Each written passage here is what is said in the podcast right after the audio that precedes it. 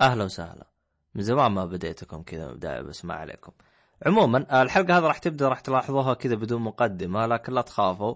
آه الشباب كانوا جالسين يسولفون بمجرد التجربة جالسين يسولفون مع بعض. فصراحة المحتوى كان نوعا ما طيب اللي هي ست دقائق فما حبيت أحذفها. عموما حطيتها بمقدمة.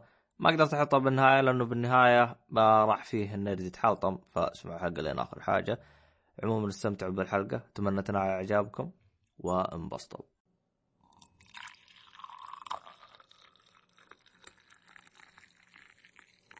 بغى يفضفض على المصارعة يعني الأشياء واجد. إيه. س- صار event كبير في السعودية اللي هو Greatest Royal Rumble سجلنا حلقة حق ال event هذاك. وشهر اثنين آه، مو شهر اثنين آه، نوفمبر يوم اثنين من نوفمبر راح يصير في عرض ثاني بالسعوديه برضو عرض كبير. فتحليلات مبدئية عن العرض اللي راح يصير عرفت؟ شوية حلطمه على تحليلات على كذي. اذا إذا آه. بتتكلموا عن المصارعة إذا بتتكلموا عن المصارعة يب... أنا آه. ترى المشكلة ما ما تابع يعني من زمان ما متابع WWE. أنا أذكر آخر عرض حالهم كان Hell in a Cell صح؟ صحيح. والظاهر والظاهر؟ كان جيف هاردي. لا ما شفته. صدق جيف هاردي مع مع راندي شفته؟ صحيح. آه، كان متعور ظاهر ولا شيء؟ أعتقد. لأنه نط نطه خطيرة. بس ما أدري هل هو من السيناريو ولا تعور صدق. لا لا تعور صدق لأن أذكر كنت أسولف مع ما أسولف معه واحد من الشباب يعني نفس اثنين نتابع مصارعة. فارسل لي كذا مو اسمه الجف ما جف جف الجف هذه يتعور اي إيه، جيف وقال خلاص خلاص آه، مسبته في المستشفى. هناك. نط نطة مجنونة شوي هو عاد معروف من نطات الخبلة. إيه. واذكر قبل فترة شفت مباراة حالة من زمان يعني مباراة قديمة لكن مباراة فرقه اللي ما أعرف إذا يصير نتكلم عنها ولا اللي كانت جيف هاردي كانت هاردي يعني هاردي بويس وباد إيه. ديدلي بويس مباراة سلالم أيوه ايدج وكريستن أيوه صح. إيه، هذه أعتقد من راس ألمانيا. هذه صارت مرتين. لا لا هذه أعتقد مال تي ال سي ما أذكر إيه. كم ما ثبت كم تاريخ فما أعرف إذا اتكلم عنها ولا لا. كان مباراة حلوة. هي صارت سنتين ورا بعض ب WrestleMania و WrestleMania اللي بعدها. Hardy Boyz مع. Dudley Boyz مع ايدج وكريستيان لا أنا اللي أقصده كان TLC أعتقد. ادور إي إي الظاهر اثنينهم كانوا TLC لأن هذول ثلاثتهم. فلان يعني حقين hardcore كذي. هي كانت بعرض TLC ولا كانت المباراة TLC؟ لأن في عرض TLC ما هي ولا كانت راس المانيا تي ال سي؟ اللي يعرف إن هالمباراة صارت مرتين في WrestleMania ورا بعض. هل صارت في عرض TLC ما أدري ما أذكر والله. بس بس ع- اللي أذكر انه عرض TLC صار مؤخرا يعني صار يسمونه TLC فترة يمكن ثلاث سنين سموها. أتوقع أتوقع صح كلامك إنه كانت TLC يعني بس إن اسم المباراة TLC اي اسم المباراة TLC لكن هو سووها في ال WrestleMania أتوقع صح كلامك خليني أشوف تك وش هو ال TLC لكن؟ بس tables ladders. chairs اوه حق الكراسي والحركات أيوه طاولات كراسي وإيش بعد؟ سلالم أيوه بس زين مش عندك يعني شوية سوالف عن المصارعة وكذي ف أنا أحب المصارعة أصلا إيه. لكن إذا كان في مباراة بتكلم عنها بتكون مباراتين مال كيني أوميجا ومن اسمه هذاك آه، كيني أوميجا ومن اسمه أوكادا ناس مش عارف مش. عارف كيني أوميجا حتى ما هو بال WWE هذا شغل underground حيل من من ما يعرف كيني أوميجا بس ما هو في ال WWE ب independent هذا صح؟ هذا من اسمه في نيو اسمه New Japan Pro أيوه WrestleMania آه. 17 صح عليك WrestleMania 17 شفت؟ امم صح عليك آه، كانت شيء شفت الثاني وشفت الرابعه هي شفت مباريات. شفت عرض All In اللي صار قبل أسبوعين تقريبا منز- منزلنا مع الأسف ما شفت آه. موجود على اليوتيوب كامل على فكرة والله. أنا واحد نزلته بموقع تورنت ولا شيء كذا ما عندي خبر لا موجود على اليوتيوب كامل بصيغة آه. حليوة يعني مو مرة حيل قوية لكن حلوة تقدر تشوفها بالصيغة اللي موجودة لأن الظاهر آه، ما عليه حقوق حفظ يعني شيء تسويقي كان هو ممكن ما- نتكلم عنه بعد ندردش عنه شوي. والمشكلة ما شفته لكن كيف بقيت أقول أيوه صح ألو. ما يعني فاهم سوالف. ما راح اتعمق أنا انطرينا ال All In ما راح اتعمق فيه يعني. لأن أصلا كله ناس underground ما هم معروفين مرة. أشهر واحد فيهم كريس جيريكو. هو- هو لكن في كودي رودز. معروف كودي رودز. كو- هذول أشهر اثنين. كودي رودز اللي من المنظمين تقريبا وكريس جيريكو. الباقيين جايين من اتحادات مستقلة New Japan Pro Wrestling ولا Lucha Underground ولا Impact ما صح. مو مرة مشهورين يعني. ما لا تومي دريمر ما ما واجد مشهور. أعتقد تومي دريمر ما تقدر تصفه في النص. يعني هو يمكن يكون أشهر من مصارعين مثل كنا لا ما أعرف إذا مصارعين كيني أوميجا وذيلا لكن نسبيا مشهور نسبيا. من هو؟ تومي دريمر إيه تومي دريمر أسطورة ال hardcore هذا. حق زبايل وكراسي والسوالف هذه بس مشهور في ال hardcore تقريبا إيه، اللي يحبون شغل ال hardcore يعرفونه عدل. مم. أصلا اللي يحب المصارعه المفروض ما يتابع WWE يعني أو يتابعوه بس على الخفيف يروح يشوف New Japan Pro Wrestling والاشياء الثانية حاليا على الأقل.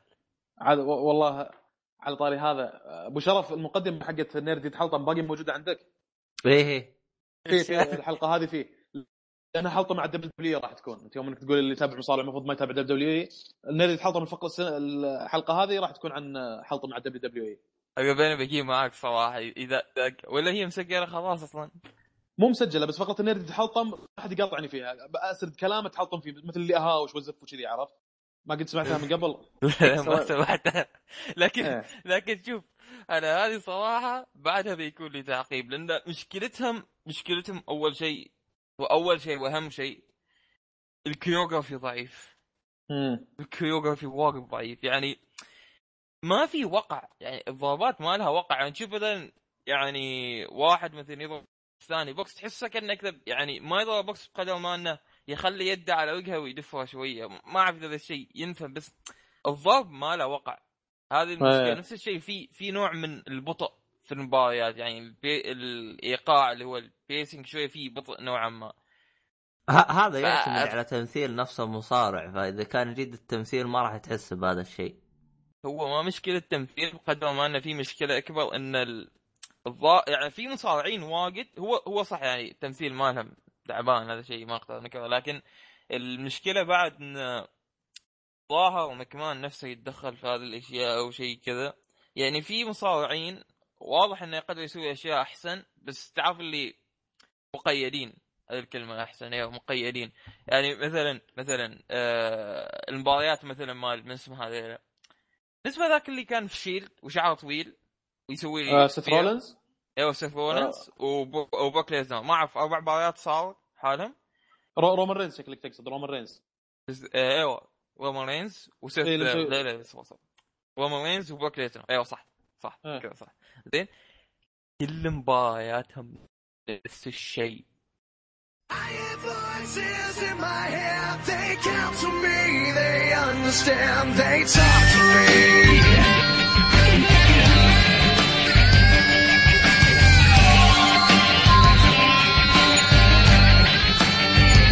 You got your rules and your religion, all designed to keep you safe. But when rules start getting broken, you start questioning your faith. I have a voice that is my savior, hates to love and loves to hate. I have a voice that has the knowledge and the power to your. I hear voices crying. I see heroes dying. I taste blood that's trying. I feel tension rising.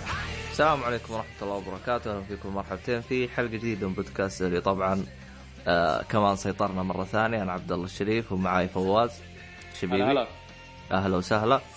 آه طبعا المرة هذه كمان نيرد متحلطم ومعانا بعد ثلاث سنوات تقريبا خلينا ما نقول ثلاث سنوات خلينا نقول سنتين وتسعة شهور تقريبا تسعة شهور وعش أو عشرة شهور زي كذا جبناه مرة ثانية. هلا عبد الله وهيبي أهلا أهلا. أهلا وسهلا. عامل إيه؟ الحمد لله بخير.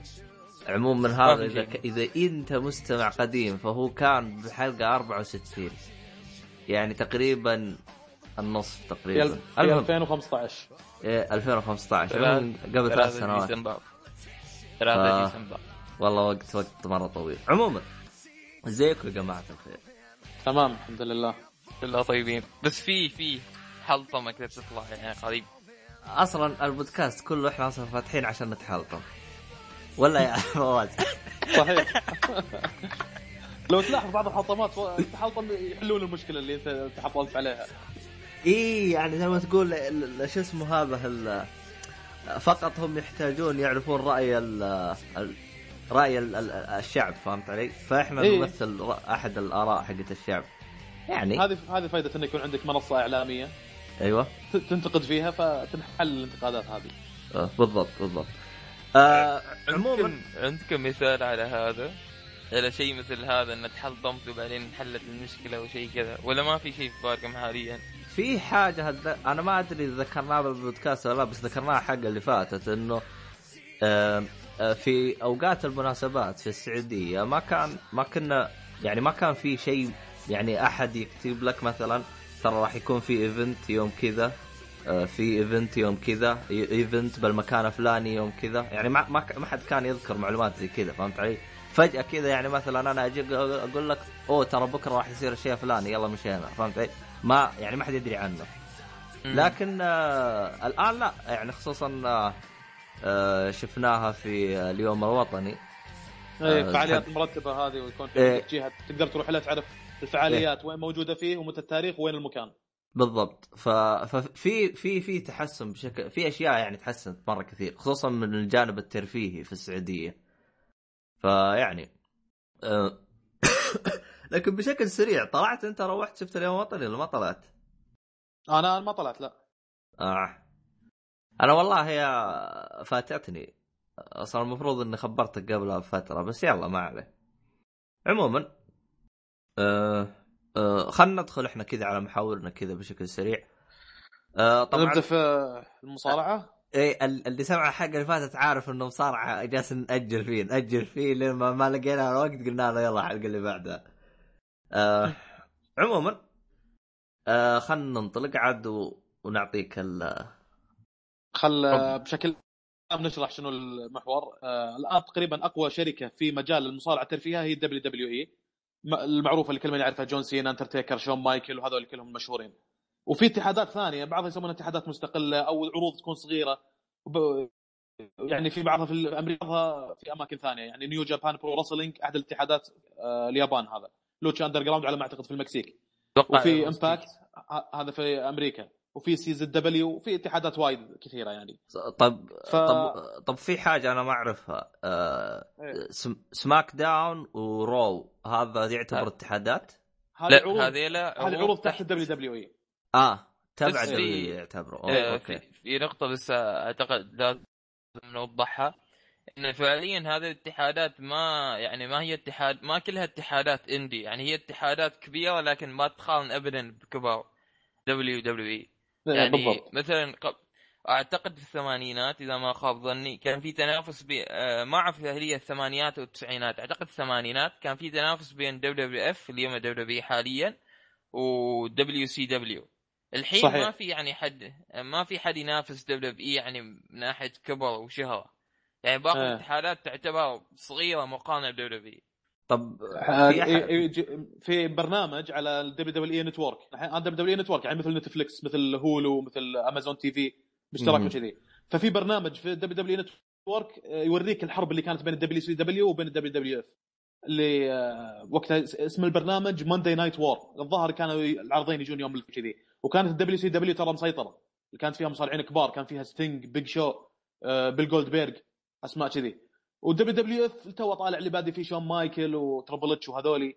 فكانت في بينهم منافسة قوية. بس يوريك شلون شوي شوي شلون على مدى تقريبا سنتين WWF تتفوق إلى أن بعدين WCW أعلن افلاسه طيب هل تقدر تشرح لنا بشكل مختصر آه، إيش اللي صار وليش يعني WWC WCW اختفت يعني عن الوجود إذا كان؟ والله آه إيه بشكل مختصر. ليه؟ يعني آه كان في سيناريو ماسكين ال WCW. والسيناريو هذا كان متعلق ببيل جولدبرغ. نفس السيناريو كنا نشوفه إلى حد ما مع انترتيكر لكن كان بيل جولدبرغ بشكل أضعف. إن هذا الآن هو القوي هو اللي يكسر وما حد يقدر يفوز عليه. طبعا ال Monday Night War يوريك ليش آه، البرنامج هذا يوريك بشكل أسبوعي كان يجي على WWE ويوريك ليش WWF تفوقت بذيك الفترة.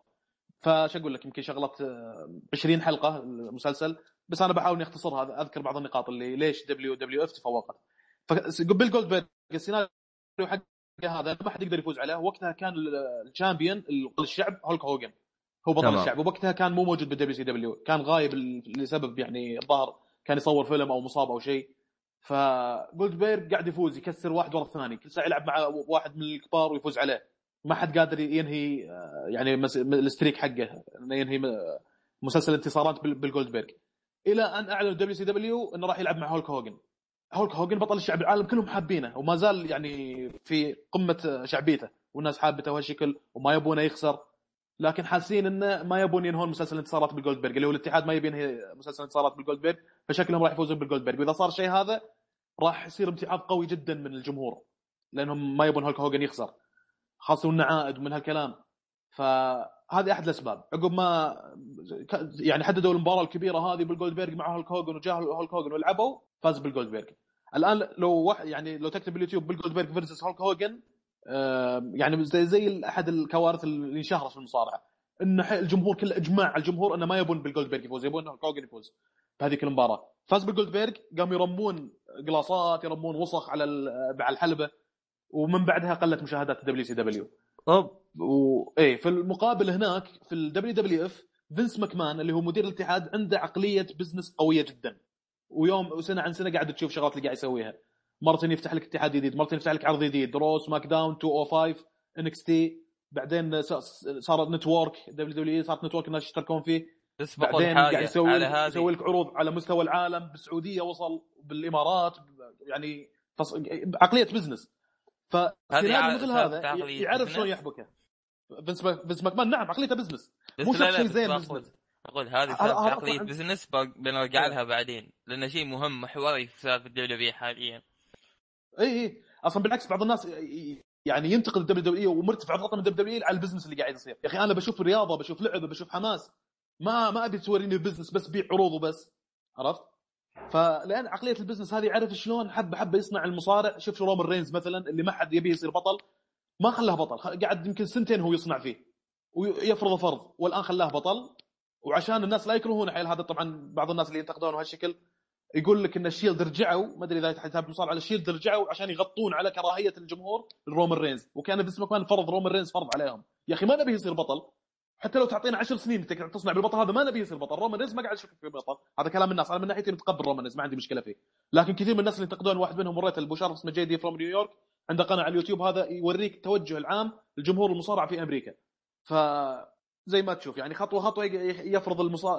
البطل على الجمهور وأحيانا يعرف متى الوقت المناسب إنه يخلي البطل يفوز يصير عرض من العروض مثلا الجمهور كاره هذا المصارع آه، فيخليه يفوز ويخليه يفوز لفترة طويلة ليه؟ عشان ينطر الجمهور يصير ترقب تعطش من الجمهور متى البطل المكروه هذا يفقد الحزام ويقول لهم okay مصيره راح يفقده في يوم من الأيام فيقعدون يستمرون في شراء تذاكر عشان يحضروا العروض عشان يستنون متى هذا المكروه يخسر الحزام وفي عرض من العروض الكبيرة مثلا في WrestleMania ولا في SummerSlam يخسر هذا البطل الحزام فعقلية business. زي ما أقول لك. يعني يعني ي- يجذب المشاهدين بطريقة مختلفة عن المألوف يعني تقريبا إيه. زي كذا. صناعة كاريزما على صناعة كراهية من الجمهور تجاه مصارع ما على صناعة إن الجمهور يحب مصارع من المصارعين.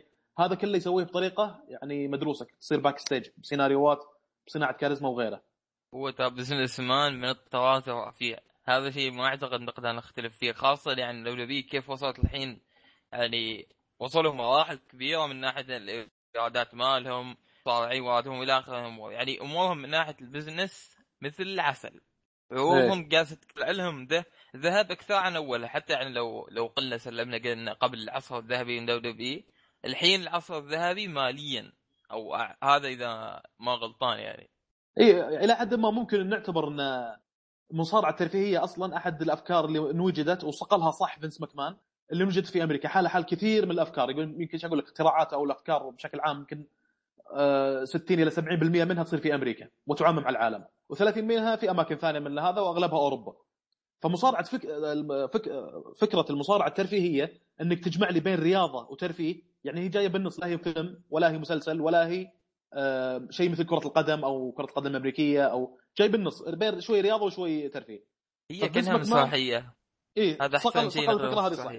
ولهذا السبب آه هذا أحد يعني كنت أتناقش أنا مع واحد من الشباب عن مستقبل المصارعة في السعودية. فأنا كنت أقول إن المستقبل ضعيف صراحة. هو يقول لي لا يقول لي لها مستقبل من هالكلام. شفت كيف المصارعين السعوديين في عرض Greatest Royal Rumble دخلوا معناته إنه ممكن يتم استقطابهم من ال WWE من هالكلام. قلت له أنا يا أخي فكرة مصارعة ترفيهية يعني عندنا ما أشوف إن في شعب ممكن يتقبلها. لذلك في ال Greatest Royal Rumble ما كان في تكلم بالميكروفون. شلون تبي توريني مصارع يتكلم بالميكروفون مثلا؟ آه الشيء هذا موجود في أمريكا. انه ممكن مصارع يمسك الميكروفون وي- ويتكلم على قبيلة واحد من المصارعين؟ عشان يتقمص شخصية المكروه. ذا مثلا. ترى يتقمص شخصية المكروه هو مو مكروه. لو تشوف بالمقابلات وكذا عادي الآدمي. لكن لأنه مبدع بالتمثيل تشوفه تكرهه. ليه يتكلم على مثلا وتر القبلية ما القبلية والعرق والشغلات هذه؟ لكن هو بالحقيقة ما مجرد إنه يتقمص شخصية المكروه. شلون شغلة مثل هذه ممكن تسويها عندنا؟ اخينا في الله ما متفائل يقول لي لا والله ممكن يصير عندنا. يقول لي أنت مشكلتك بس بالهيل؟ يا وايد عقلية الآن إحنا يمكن بشكل عام كعرب ما تقبل فكره المصارعة الترفيهية. أه، بتقول لي إن العرض okay جاها جمهور لكن العروض اللي قبله طيب Greatest Rumble ال marketing سوى شغل كبير سوى التسويق سوى شغل كبير في Greatest Royal Rumble العروض اللي قبله ترى كان الحضور ضعيف هذا رقم واحد. Greatest Royal Rumble كان تسويق كبير وهذا أول عرض. زين والعروض الجاية كم الجمهور راح يحضرون؟ بعد هذا ال- شيء. آه، Rumble آه، الجمهور كان ميت يعني يعني الجمهور لما تجلس تشوفه من أيوه ناحية تشجيع وكذا ميت يعني عكس. لما وهذا هذا Greatest Rumble لو تجي تقارن مثلا ب Monday Night Raw أو Smack. Down وتشوف الجمهور متحمس على آخر أما هنا يعني كنت أشوف المباراة إيه. يعني كنت أذكر لما أشوف العرض الجمهور ميت يعني واضح ان نحتاج يعني فترة شوية قدام إيه. عشان الجمهور أول شيء يكون متقبل لا، لا. أكثر لا لا أنا من وجهة نظري آه نقطتك شوي فيها غلط. طبعا للي سمع الحلقة وضحنا إحنا ليش ما أشوف إنه فعلا الجمهور. لأنه لا تنسى في Greatest آه آه آه اللي هو هذا اللي؟ كان بالسعودية. نسيت إيه؟ اسمه والله. Greatest Royal Rumble أيوه. لا تنسى إنه إنه المقاعد الأمامية حطوها لناس ما لهم علاقة بالمصارعة. ال fan والأشخاص اللي فعلا يعرفون المصارعه كانوا بنهاية الحلبة ورا. لا تنسى زين، هذه آه، النقطة. يعني طيب طيب. أبو شرف الصوت ما ينسمع يعني صريخهم ما موجود. يعني حد ذاتها هذه غلطة. أنا ذكرت يا أبو سيف يعني كثير من الشغلات ال chant حق مثلا آه، شو اسمه جيف مو جيف هاردي مات هاردي delete delete هذا مشهور كل من يقول مع معاهم delete delete ال Hardy Boyz في على Royal Rumble والله ولا حد حولك. فين بالر دخله من أقوى الدخلات يا أخي لما يرفع يدينه هذه لما Demon King دخل Demon King حتى هو دخل دخل عاديه مو دخل Demon King لكن لما يرفع يدينه بشكل عام تشوف الجمهور كلهم يرفعون يدينهم معه. في آه، ال Greatest Royal Rumble ما كان في ذاك الحماس. ف تقريبا إجماع إن الجمهور كان ميت في في Greatest Royal Rumble. أنا الجمهور كان ميت. أنا إيه. شوف أنا أعتقد إنه يعني مع السنين ممكن يعني يتحسن الوضع لو استمر يسوي عروض. خاصة إيه. إنه في أكثر من قناة يعني يوتيوبية مثلا حسابات في تويتر تشوف تكلم عن المصارعة وعندهم يعني متابعين عدد جيد. يعني هذا شيء يعني يعطيك نظرة إن في ناس تحب المصارعة عندنا صحيح لكن لكن السؤال هو اللي نفس السؤال اللي أنت تطرحه مثلا كيف العروض الجاية؟ زين هل بيحضروا؟ كيف تفاعل الجمهور؟ بعدين فكر في إنك تجيب تسوي مصارع سعودي أو مصارع عربي هذا بعدين خليه معنا فعليا في مصارع عربي. سامي زين في مصارع عربي لكن سعودي عاد ما أعرف كيف في. في اي أنا أتكلمك مستقبل المصارعة بالسعودية يعني ممكن طلع شكل تجاري. الآن في عقد بين آه، هيئة الترفيه مع ال WW مدة 10 سنوات قدام بس الظاهر بيسوون عروض نفس ال Greatest Royal Rumble كل ثلاث أربع شهور وكل ست شهور تقريبا في عرض كبير راح يصير. ما أدري هل آه، يصير نفس اللي Greatest Royal Rumble في أغلاط ولا لا ما أدري. لكن عروض تجارية هل هي شيء solid قوي مثل ال WW في أمريكا؟ هذا سؤالي أنا. ما يعني جدا جدا أشك في الشيء هذا وأتوقع إنه ما راح يصير شيء هذا. حتى لو صار اتحاد سعودي انشئ من هنا طيب شلون راح تسوي لي الشخصيات؟ شلون راح تسوي لي سيناريوهات شلون راح تسوي لي الشغلات هذه كلها؟ ما أحس إنها حاليا ما أحس إنها شيء. ممكن بعد خمس سنين ست سنين لا يتغير الوضع. يمكن عقلية الناس من ناحية الترفيه تتغير أكثر فيتقبلون شيء مثل هذا. بس في يعني هناك في أمريكا يروح لك واحد يا أخي بشكل يومي ممكن يروح يأخذ له مثلا برجر وبيبسي ويقعد في بيته ويشغل عرض راس المانيا حق قبل عشر سنين. تقول إيش؟ يقول لك أنا مستمتع كذا قاعد أضيع وقت يعني قاعد أطالع كأني قاعد أطالع مسلسل يقيم لك سيناريو ويقيم لك شيء حتى لو ما في أي قيمة بالعرض. ما عنده أي مشكلة. عقلية مثل هذه ما هي موجودة عندنا عرفت؟ بس بس في نقطة في نقطة أنت ذكرتها يعني أنا أشوف أتفق معك فيها اللي هي أنت ذكرت إنه يعني كيف بيجي شخص مثلا آه، بيسب فلان ولا مثلا يس- يكون عنصري أو يسب الأشياء هذه كلها. أيوه. فعلا يعني حتى أنت إيه. يوم تشوف بعض الأنمي آه، زي مثلا The Family Guy بعض بعض بعض ال ال آه، الأنميات أو بعض العروض ال- آه، اللي هي الهستيرية أو كيف يقولوا لها آه، حقت الاستهبال يتريق أيوه يتريقون على إيه. بعض دائما إذا شفتهم ي- يعني يجيبوا طا- طارينها كعرب أو أو أي أو كسعودية غالبا تلقى مم. شوية فيه نقد لاذع جهتهم يعني إيش هذا؟ تجلس تنتقدونه من الكلام هذا كله هذا غير صحيح وهذا كلام فاحيانا البعض ينسى إنه ترى المقصد من هذا هو استهبال وليس واقع. أيوه. لا لا لا تروح بعيد. يعني حتى المسلسلات العربية مثلا إذا جابوا مثلا يعني شخصية مثلا كذا شخصية ما زينه تلقى مثلا واقع الناس يقول هذه المسلسلات لا تمثل الواقع زين يا أخي في ناس زينين. إيش وفي اسمه؟ ناس ما زينين. أق- اقرب يعني- يعني مسلسل المسلسل حق رمضان اللي. إيش كان؟ العاصوب شو اسمه؟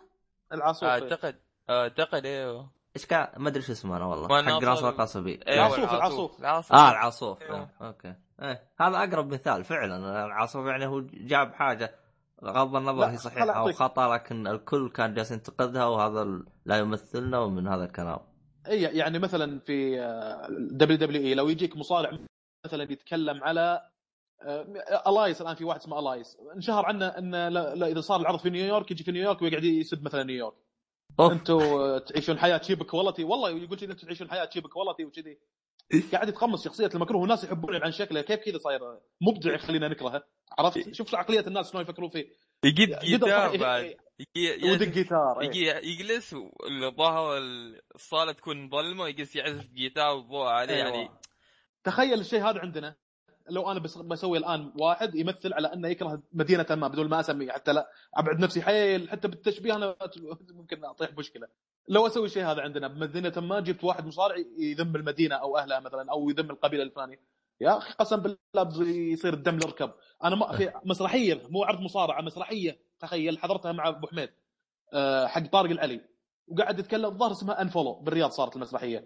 فقاعد يتكلم على شلون ال social media تقدر تأجج فيها الرأي العام من هالكلام وكل ما ياك واحد وقال الهلال ولا النصر ثاروا عليه. يوم قال الهلال والنصر تعرف شنو المسرح ضج؟ أوف. لا لا لا لا لا يا لا لا لا وقام قلب ملعب. إي والله العظيم. ولو ما. خبره طارق العلي لو ما خبره طارق العلي كان فقد السيطرة. يعني بس إنه هو من خبرته وهذا ما سكت قاعد ينطرهم لا قال شوف هذا مثال. على الجمهور يقول عرفت؟ قال هذا يعني قوي. إيه قويه يعني عالج الموضوع بشكل ذكي. اوه وكمل كمل. والناس باقي قاعد يتكلمون وفي صياح في أهازيج شوي كمل على المشهد وكذا فسكتوا الناس شوي شوي. فعرف شلون يطفي الموضوع. إلى الآن أنا أنا أذكر أبو حميد أنا يقول لي شفت شلون؟ وهذا بعد مسرحية يعني مو مو ذاك ال- وعلى ال restriction اللي فيها وعلى القوانين فيها. شغلات ثانية. إيه. تسوي لي شيء مثل كذي. يطلع على مستوى احترافية مثل اللي بأمريكا أشك في ذلك. ممكن أنا أقول لك ممكن يصير شيء مثل ال UFC ال Ultimate Fight Champion أو ال MMA mixed martial arts اللي هي فنون قتالية اللي هي الرياضة البحتة. لانها رياضه بحتة حالها حال أي رياضات الثانية اللي موجودة عندنا. table tennis على سلة على كرة قدم على كذي. آه، زين. ممكن يصير عندنا. وما راح يصير لها شعبية قوية حيل يعني حالها حال كرة القدم. كرة القدم هي اللعبة رقم واحد عندنا يعني. أو يمكن في العالم. آه، بس إيه؟ بس زين طاري المسرحية لأن هنا في تقاطع مهم بين المسرحيات والمصارعة. لأنه فعليا في السيناريو المسرحيه المسرحيه المسرحية والمصارعة تقريبا واحد. اثنينهم فيهم مبالغة في التمثيل ومبالغة في الشخصيات وحتى تحسهم اقرب للشخصيات الكرتونية والشخصيات المسرحية. يعني يعني حتى هذا الشيء يمكن ملحوظ إن ال- الممثلين مثلا في المسرح لما يجي يصرخوا يبالغوا واجد في الصريخ يعني بغض النظر هل المس... المشهد يستحق يصرخ واجد أو لا. آه. نفس نفس الشيء في المصارعة فهنا مش يعني هنا ما بطل الفاس ليش؟ لأنه إذا كان المسرحية أساسا هي كلها مبالغة في مبالغة حتى لو الموضوع اللي يتكلموا عنه يعني صح ويطرحوا نقاط زي بس كلها في مبالغة وتضخيم مم. والناس يعني ما قدروا يتقبلوا شيء مثل هذا لما يكون مصارعة شفت واللي- شلون؟ واللي واللي الظاهر واجد ناس ما فاهمين ان أصلا المصارعة يعني أشبه بالمسرح التمثيل المسرحي تعرف اللحظات اللي مثلا لما يكون مصارع جالس آه، واحد مثلا جاي مع صديقه أو مع حبيبته أو شيء كذا. ويصارع مصارع ثاني بعدين حبيبته تقص تلهيه وذاك يلتهي وبعدين تعرف إيه. يجي يقوم المصارع اللي وراه آه. المشهد يمكن دقيقة أو نص دقيقة وذاك يشوف عليها ويقص يتنازل معاه بعدين أول ما يلف راسه يجي على طول هذاك يضربه أو حاجة إيه، مثل كذا. يعطي فينشر و... مشهد مشهد عيني عينك تمثيل يعني وكلنا نعرف كلنا الناس انت مثلا نعرف إن هذا شيء تمثيل هذا trope من trope ات المصارعة trope يعني آه شيء وش الحين لحظة. scripted يعني scripted مكتوب و... وهذا دور قاعد يأديه مصارع كذي أيوه بس يكون شيء يعني دائما يتكرر يعني شيء تلقاه في أشياء واجد أعتقد كذا. معنى مكتوب المهم؟ تخيل إلى الآن إلى الآن أنا ساعات أتناقش مع ناس يجيني واحد يقول لي تدري الحين مصارع تمثيل؟ تبغى تقول من جد يعني يعني شنو ردة فعل اللي يبيني يبيني أقول أقول له لا والله بالله على بالي صدق تصدق؟ إيه. على بالي صدق إن انترتيكر دفن Big Boss Man ودفن على بالي إنهم ماتوا.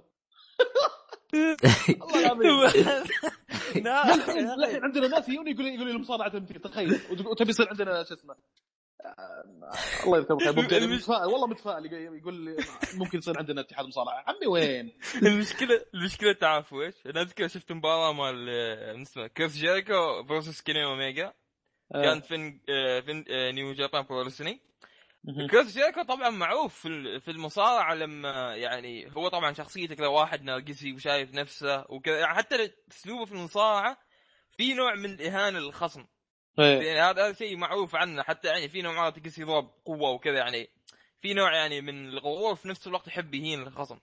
فبعد تشوف هذيك المباراة كنت تشوف عادي تلقى معاه صور صوره هو وكينا وميجا مبتسمين وكل واحد ماسك الحزام كانهم اصدقاء زي قبل شوية كان يتضارب يعني وهذا يهينه وكذا. تا نعرف إنه تمثيل. لو ما تمثيل ما كان. يصير شيء مثل كذا.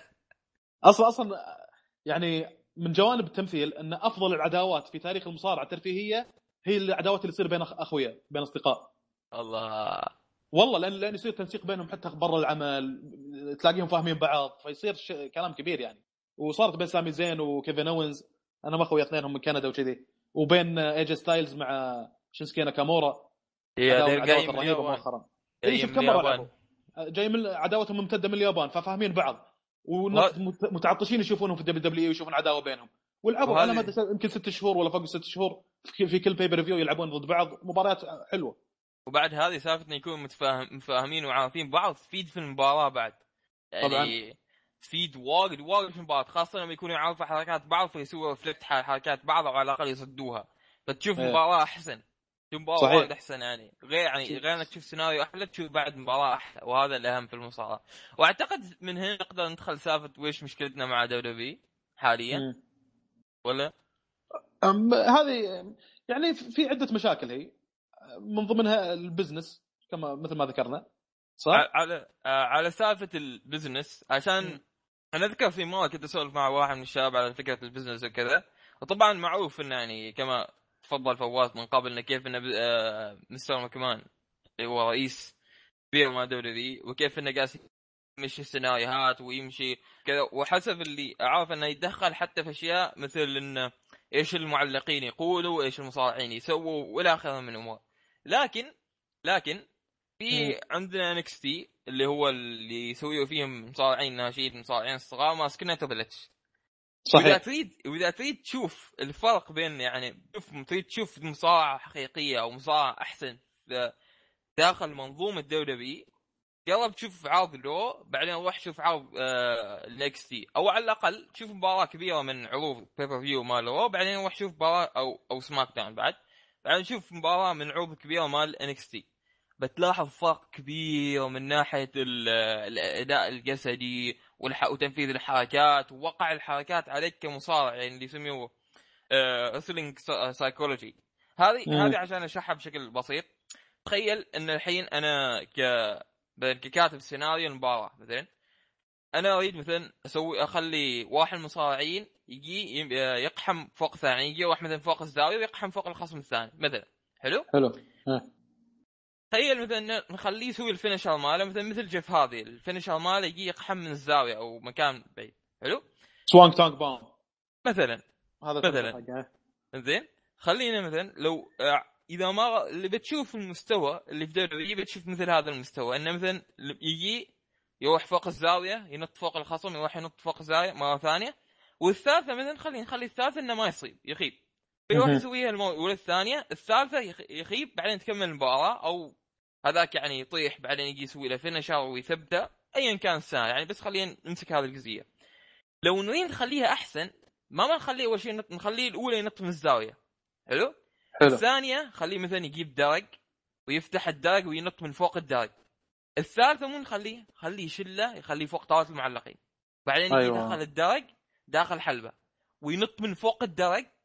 بعد لما يجي ينط يزحف هذاك على آخر لحظة وبيطيح ويتعور هناك فوق طاولة المعلقين. فيكون وقع هذه الخسارة الثالثة بيكون أقوى مم. على المتابع. غير إن أصلا هذه المواد الثلاث بتكون أمتع لأن كل ما يسوي شيء جديد. يعني هو ما زال يسوي ال finisher مال لكن يعني يرفع التحدي في نفس الوقت يجدد. فهذه مثلا يعني تلقى ال...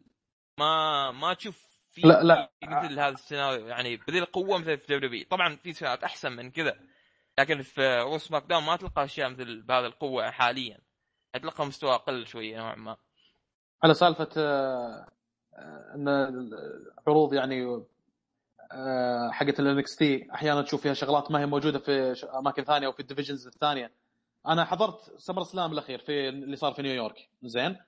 طبعا SummerSlam العروض الكبيرة مثل تقريبا WrestleMania فيسووا لك خلال الأسبوع ذاك wrestling week فيصير عرض SmackDown وعرض Raw وعرض NXT وعرض آه، يمكن 205 و NXT TakeOver أنا حضرت. العرضين هذولي. NXT TakeOver واللي بعده صار SummerSlam تخيل أن أغلب الناس متحمسين لل NXT TakeOver أكثر من SummerSlam SummerSlam اللي شيء كبير. أقسم بالله أنا استغربت قاعد أتكلم مع كثير من الناس وكذي وأسولف معاهم. فيقولوا لي today show's better than tomorrow الناس متحمسين حق ال NXT بيشوفون آه، Tommaso Ciampa وهذولي وشباب. قلت لهم ال NXT هذا اللي ما حد يدري عنه حماس أكثر. فكنت قاعد أتكلم مع واحد عن ال NXT وعن العروض وهالشكل. فقال لي شفت هذاك؟ ياشر لي على واحد. أنت قلت لنا في ناس على اليوتيوب. قلت له إيه؟ قال لي هذاك اسمه JD from New York هذا مشهور. واقفين ما شاء الله الناس عليه زحمة وقاعد يصورون معاه ويسولفون معاه. هذاك أكثر واحد ينتقد ال WWE يطق فيها طق مرتفع ضغطة منها فشفت رايه بال GRR Greatest Royal Rumble. كل كلامه تقريبا يتفق معنا في أغلب النقاط اللي ذكرها. ما عدا في نقطة قالها يقول the change in the Saudi economy يعني يقول آه، إن الآن WW قاعد تشب- تسوي عروض في السعودية وكذا. آه، ونعرف إنه في change شنو يقصد بال the change في Saudi Arabia إذا كان إذا كان يقصد التغير من ناحية إن الآن الاقتصاد قوي اول مو قوي كلام غلط طبعا الاقتصاد قوي يعني من زمان لكن إذا كان يقصد التغير من الآن في دخل بالجانب الترفيهي أول كان الجانب الترفيهي ميت ما كان يستخدم كأحد جوانب الدخل ف آه، إلى حد ما كلامه هني صحيح. آه، في نقاط ثانية أنا بذكرها بالنسبة للسيناريو أنت ذكرته يا أبو سيف عن بروك ليسنر. بروك ليسنر على فكرة احتفظ بال Universal Champion مدة 504 يوم 504 يوم. وهذا سادس أطول مدة يحتفظ فيها مصارع البطولة في تاريخ WWE. والأطول منذ عام 1988 عرفت؟ أنت لأنك تقول إن بروك ليسنر آه، ما أدري ما عاجبك إنه يكون بطل أو شيء. هو أنا ما عندي مشكلة معه إنه يكون بطل لكن عندي مشكلة معه في ناحية مبارياته مع رومان رينز. وبنقيها اللي في لكن- SummerSlam إيه. في SummerSlam عامة 2018 رومان رينز فاز على بروك ليسنر وحصل على الحزام. وبعض الناس ذكرت إنه ما عجبهم الشغلة هذه لكن أنا متقبل صراحة رومان رينز.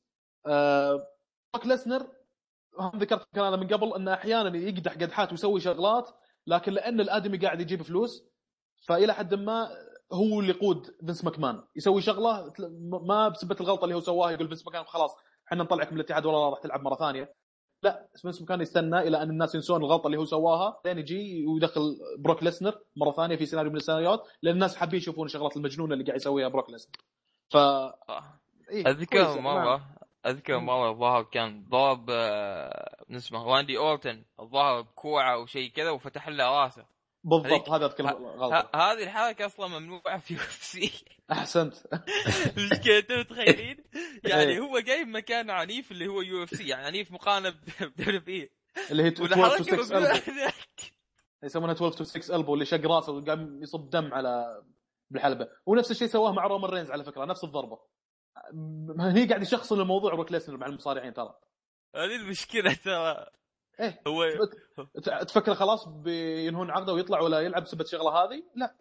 نفس ما عاقبوا آه، تيتس أونيل مرة سوى شغلة out of script عاقبة فينس ماكمان. ست شهور الظاهر ما لعب ولا شيء كذي. لا لا بروك ليسنر تشوفه يسوي شغلة وما عنده أي مشكلة. زي اللي هو يخضع الاتحاد لرغبته هذا لأن هذا مصفى يجيب فلوس. إيه. فلوس الآن خلني خلني شغلة ال business هذه وأكبر آه، شغلة ترفع ضغطي في ال WW من ناحية إنها business وان همهم الفلوس. أبذكرها. آه، بالعرض الجاي في السعودية. ها- هاي. أوي. الظاهر آه، من الحماس. أوه شكل. دخل عليها أحد. لأنه فصل هذا. إيه. والآن فواز اختفى في لحظة مهمة. هذا اسمه cliffhanger. إيه. هذا اسمه cliffhanger. الظاهر إنه الآن آه، فينس مكمان جاي عنده. يقول إيش إيش إيش هرجتك انت؟ إيش اللي ما عجبك؟ فاهم علي؟ أيوه. ويقول ناني كيف قلت أنا إيه إيه. لأنه الحلقة ما هي لايف إحنا بس جالسين نسجل بعدين نرفعها. فهو جالس يقول "ها، كيف عرفت أنت؟ والحكم يدق القاس تبدا المباراة. إيه إيه. آه مدري عنه عاد.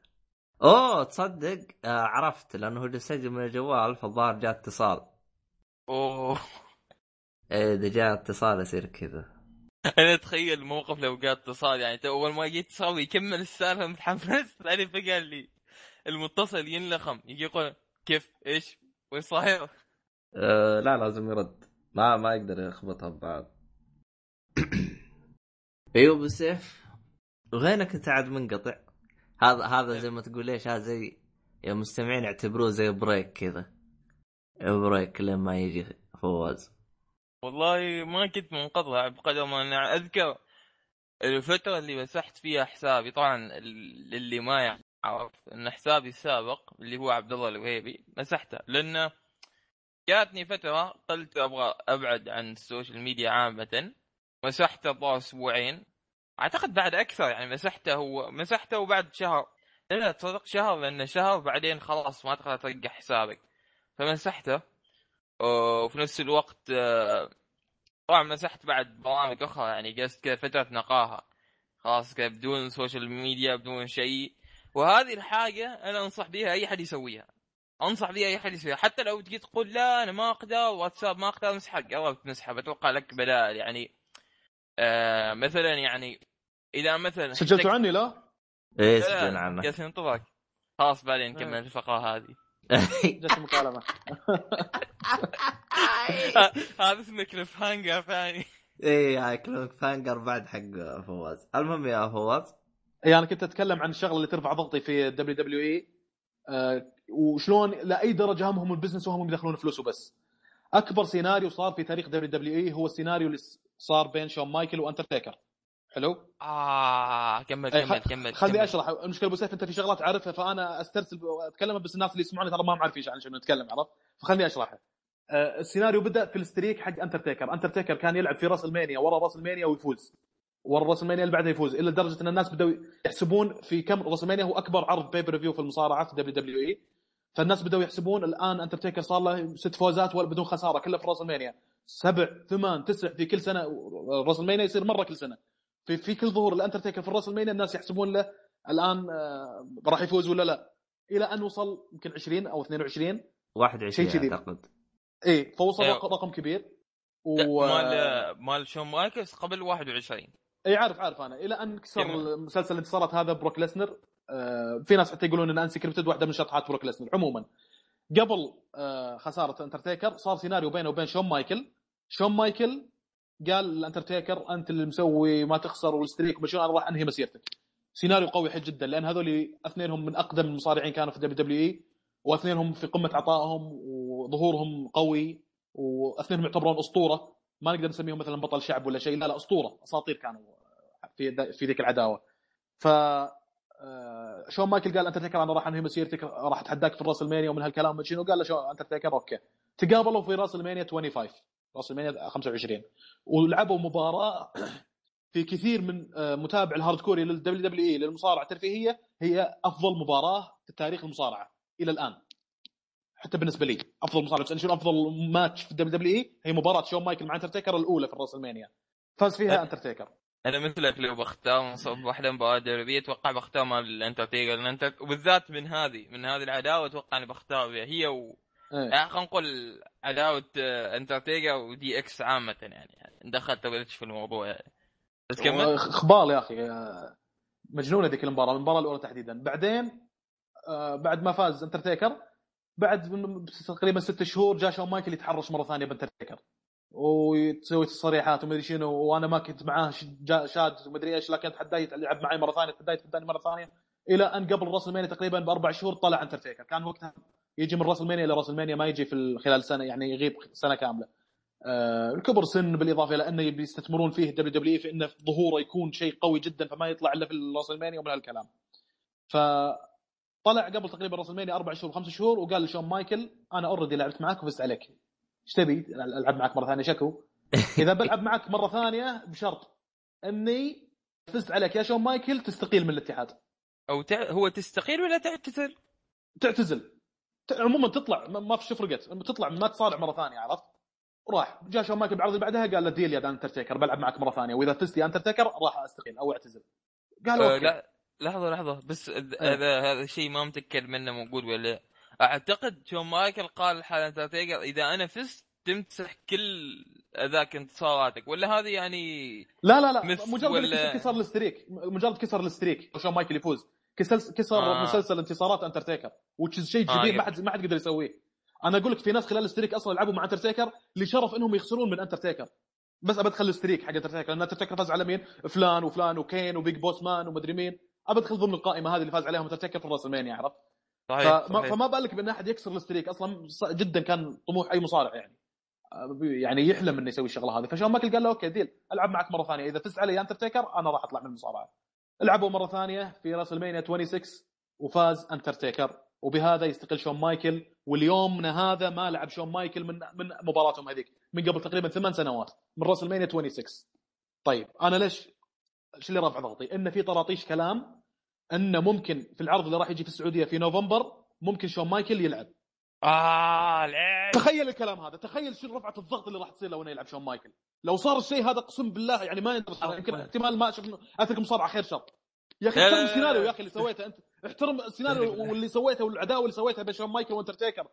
شون مايكل نفسه ترى أكثر من مرة قالوا له تعال ارجع قال ماني راجع احتراما للاندرتيكر والاحترام للسيناريو صار بيني وبينه. والآن شغال على إنه يطور مصارعين في النكستي وغيره. تبي ترجعونه هنا. عشان فلوس على فكرة على فكرة. هنا في شيء يستحق الإشارة. أول شيء يعني إيه. أعتقد مما لا يخفى على أي متابع مصارعه وحتى أعتقد على أي يعني شخص عنده معرفة بالمصارعه يعرف هذين الاسمين ويعرف زين إن هذين الاسمين يعني من ناحية أدائهم للحركات وحركاتهم شيء توب نوتش شيء ممتاز جدا وعلى فكرة من صحيح. النقاط اللي الجيده اللي تبغى إذا تبغى تشوف يعني مستوى وقع الضربات وجودة الأداء جيب مثلا super kick اللي هي Sweet Chin Music مال شون مايكل شوف كيف إيه. مايكل يسويها وشوف لما تشوفها وتحس كذا بالوقع وبالألم تعرف لما تشوفها تسمع النقعة اللي كذا طح إيه. زين. زائد زائد لما كانت طقت كف كذا. إيوه. زائد لما تجي تشوفها متابع تقول آه إيه. damn زين شوف المصارعين الثانيين حامد دبي شوف ما تحس كذاك ما له تو ما يعرف يشوت. أنا أشوت أحسن عنه. إيه. المهم وعشان عشان كذا إيه كمل ما اقطعك وهذه نقطة. زائد نفس الشيء انترتيكر نفس الشيء عنده حركات واجد مثل يعني من غير الفينشر ماله وهذه الحركات عنده في حركة لما يجي يركض من فوق الحبال ويقلب. حلو؟ إيه. و... وغير ونفس الشيء الحركة لما يجي يلوي يد واحد ويجي يمشي فوق الحبال بعد. إيه. هذه الحركات يعني تبين لك هو على فكرة انترتيكر يعني أصلا آه بالنسبة لحجمه ترى حركات ما سهلة خاصة إنه هو إنسان طويل. صحيح. يعني في في حركات اللي يسويها مرات يعني تكون يعني شيء استثنائي خاصة بالنسبة لحجمه وطوله فالحين لو تجي تشوف آخر مبارياته بالذات مباراته مثل مع شو أم اسمه آه شين مكمان ويمكن ما ما أعرف إذا صح ولا يمكن بعد نفس الشيء مال بوك لكن تجي تشوف مستوى الأداء واجد نزل لأنه كبر فالحين الحين تبغوا تجيبوا شون مايكل. وانت تيجر أو. شون مايكل بس أو شون مايكل اللي وقف معه في كم سنة يلعب 10 سنوات ولا ثمان سنوات. تجي هو, تبغاه هو يلعب الكلام هو الكلام في آه، مثل ما قلت انت انترتيكر الان ترى كبير ويحتاج إنه يستقيل صدق. آه، يتقاعد يعني خلاص ما عاد يصارع آه، لأنه كبر ولأنه يعني صار إلى حد ما مستواه شوي هزيل فصارت شوي في مجاملات من الجمهور وما عندي أي مشكلة إلى إلى الآن. up to now ما عندي مشكلة تصير في مجاملات لتاريخ اندرتيكر لكن مو أكثر من كذي. شفناه في مباراة مع جون سينا في WrestleMania الماضية ترى المباراه طولت يمكن خمس دقائق. بسبب لياقه آه. اندرتيكر ما قدر يطول. مع مين؟ مع جون سينا. يعني في قوي شباب بعده وهالشكل. مباراة ما طول خمس دقائق فاز فيها انترتيكر. واضح انه كان فيها شوية مجاملة من الجمهور ومن جون سينا بعد عرفت؟ يا أخي هذيك. المباراه ما لها داعي و- صراحة يعني حقيقة؟ هذيك المباراه ما لها داعي يعني يعني جون سينا يبغى إيه. يلعب انترتيكر وكنا أذكر يعني كان من زمان لما كنت في سن أصغر قبل عشر سنوات ولا كم كنت أتمنى أشوف مباراة مع جون سينا وانترتيكر أكثر من شخص يعني كان يتمنى بس الحين الحين خلاص لما شفنا شياب وشفنا مباراته مع شون مايكل أو ما شون مايكل عذرا آه، شين مكمان مباراته مع شين إيه. مكمان مباراته مع بوكر خلاص تبغى تقول خلاص يا أخي مع شين مكمان حلوة. صراحة مب- مباراته مع شين مكمان حلوة وأنت تفتكر إلى حد ما عادي. مع رومان رينز ترى صارت فيها بعض شوية زلات أتوقع ثقل جسم انترتيكر إلى بطء حركته شوي وكذي. اللي قلت خلاص الآن فكروا في شلون تسوون سيناريو تكفيله حقت مسيرة الانترتيكر لأنه ترى كبر وعشان لا هذا. هو ممكن تقبل مباراة مباراتين راس مانيا واحدة خلاص ينهون فيها. لكن آه، لعب أكثر من مرة وبيلعب مع ترابلتش على فكرة في السوبر شو داون في استراليا. بعد أسبوعين إي بعد. أسبوعين بيلعب مباراة أخيرة يسمونها the last match between Triple H and Undertaker بالسوبر شو داون بيسوونها في ملبورن في استراليا أنا متشائم تخيل. أنا متشائم ما أدري. إيش اللي راح يصير لأن لأن تربل اتش أنا ممكن زين أتقبلها مم- ممكن أتقبلها بس في حالة واحدة؟ إنه okay خلون انترتيكر يفوز على تربل اتش وفي راس المانيا الجاية يلعب شون مايكل مع انترتيكر وشون مايكل يفوز على انترتيكر المرة هذه وينهى مسيرة انترتيكر يا أخي. ينهون مسيرة بعض عرفت؟ مثل ما أن انترتيكر انهى مسيرة شون مايكل شون مايكل ينهى مسيرة انترتيكر it's the last puzzle of the scenario يعني صراحة. لو أن شون مايكل يرجع بس مباراة أخيرة ينهي فيها مسيرة الانترتيكر وممكن تكون هذا بناء على طلب انترتيكر مثلا. منو بالله عليك منو موجود حاليا يستاهل إنه ينهي مسيرة انترتيكر الأسطورة هذا. واحد من هو- جيله واحد صار من first يعني من الج... قبل Attitude Era حتى. من الجيل الأول. هو هو صراحة يعني بصراحة أنا يعني بعد اللي صار وبعد اللي هذا يعني خاصة المباريات الأخيرة مباراة شون مايكل صحيح يعني كانت حلوة لكن يعني يبين لك إنه خلاص أنت تقدر شيء. فأنا اللي عن نفسي أمنيتي إنه خلاص يا أخي احتراما لهذا الرجل احتراما لهذا الأسطورة بعد ما أقول رجل يعني رجل قليلة بحقه احتراما لهذه الأسطورة واحتراما لتاريخه خلاص يعني خليه يعتزل بدون مباراة يعني خليه يعتزل اعتزال طبيعي يعني. بس يعني لا لا والله لا لا لا شوف شوف شوف. لو يخليه سيناريو. تعرف كيف؟ إيه. تعرف كيف؟ لو يخليه سيناريو مثل مثل هذا. مع إنه السيناريو شوي يعني ما أعرف يمكن مسرحي إلى حد ما. يخليه مثلا انترتيكر إنه هو الشرير أو شيء كذا يعني يتحكم بالمصارعين أو حاجة مثل من هذا القبيل يعني شعوذة أو شيء من هذا القبيل. يخليه كذا كسيناريو كامل في راس المانيا يعني راس المانيا يكون هذا الثيم مالته إن انترتيكر قاعد يتحكم عينه أو شيء من هذا. الظاهر كان في شطحات مثل كذا من زمان إنه يكون مشعوذ وساحر وكذا إيه. ويخليه مثل هذا السيناريو. darkness أيوه يخلي يخليه مثل هذا الشيء. شيء مصارع ما أو- حاجة ما ينقلبوا عليه. ما ما تصير مباراة بقدر ما أنه ينضرب وخلاص كذا. انتهى. انترتيكر اندفن أيوه صح طيب. حلوة ذي انترتيكر يندفن خلاص. يندفن. وانتهت المسيرة. انت أنا قاعد أكلمك على سيناريو قاعد يعني موجود على مدى عشر سنوات اللي هو شون مايكل مع انترتيكر. ما انتهى السيناريو إلى الآن. ما زال شون مايكل يفكر تخيل كسيناريو أنا قاعد أتكلم. ما الان ما زال شون مايكل قاعد يفكر في شلون يثأر للخسارتين اللي خسرهم من انترتيكر وخلاه يستقيل ويترك مسيرته كمصارع محترف. في يوم من الأيام راح يجي شون مايكل ويتحدى انترتيكر أو بناء على طلب من انترتيكر لما يلاحظ إنه كبر في السن وده يلعب مباراة أخيرة فيطلب إن المباراة الأخيرة تكون مع شون مايكل. تعال يا شون مايكل تعال انترتيكر لقاء أخير بينكم ونشوف من اللي يفوز يفوز شون مايكل المرة هذه وبالشكل هذا يستقيل انترتيكر أنا أشوف إنه جدا جدا روعة لو يصير الشيء هذا. وهذا السبب الوحيد اللي ممكن عشان أتقبل إن شون مايكل يرجع. غير كذا تبي ترجع لي في السعودية ماشي والله ما أبي ماني رايح. عرض ولا يمكن ما نتهب على المصارعة مرة ثانية. شوف لو تبغى الصدق لانك لوحة فنية رهيبة قاعد تلوثها أنت قدام. لو تبغى الصدق لو يدمجوا بين السيناريوهين أحس بتطلع فكرة حلوة. يعني يصير كذا ministry of darkness مرة ثانية تطلع إيه. ويسيطر على المصارعين. في راس المانيا لازم تكون في راس المانيا عشان أصلا هذا بيت انترتيكر وتجي على أنا- بس- بس انت أنت تتكلم عن ministry of darkness يوم ايدج مع جانجريل مع مدري منهم اللي سوى منظمه أيوه. الظلام يوم إنه كان يجي ويلابس لبس لبس حق كنا دراكولا انترتيكر أيوه. أيوة. لا إذا تسوي له revive بطريقة ما الآن لا- انترتيكر لو يسويها الآن لو انترتيكر يسويها it's silly صراحة. على الأسطورة اللي أنت فيها على كذا. أشوف إنه شوي silly هو سواها متى؟ قبل تقريبا فوق ال 15 سنة ترى.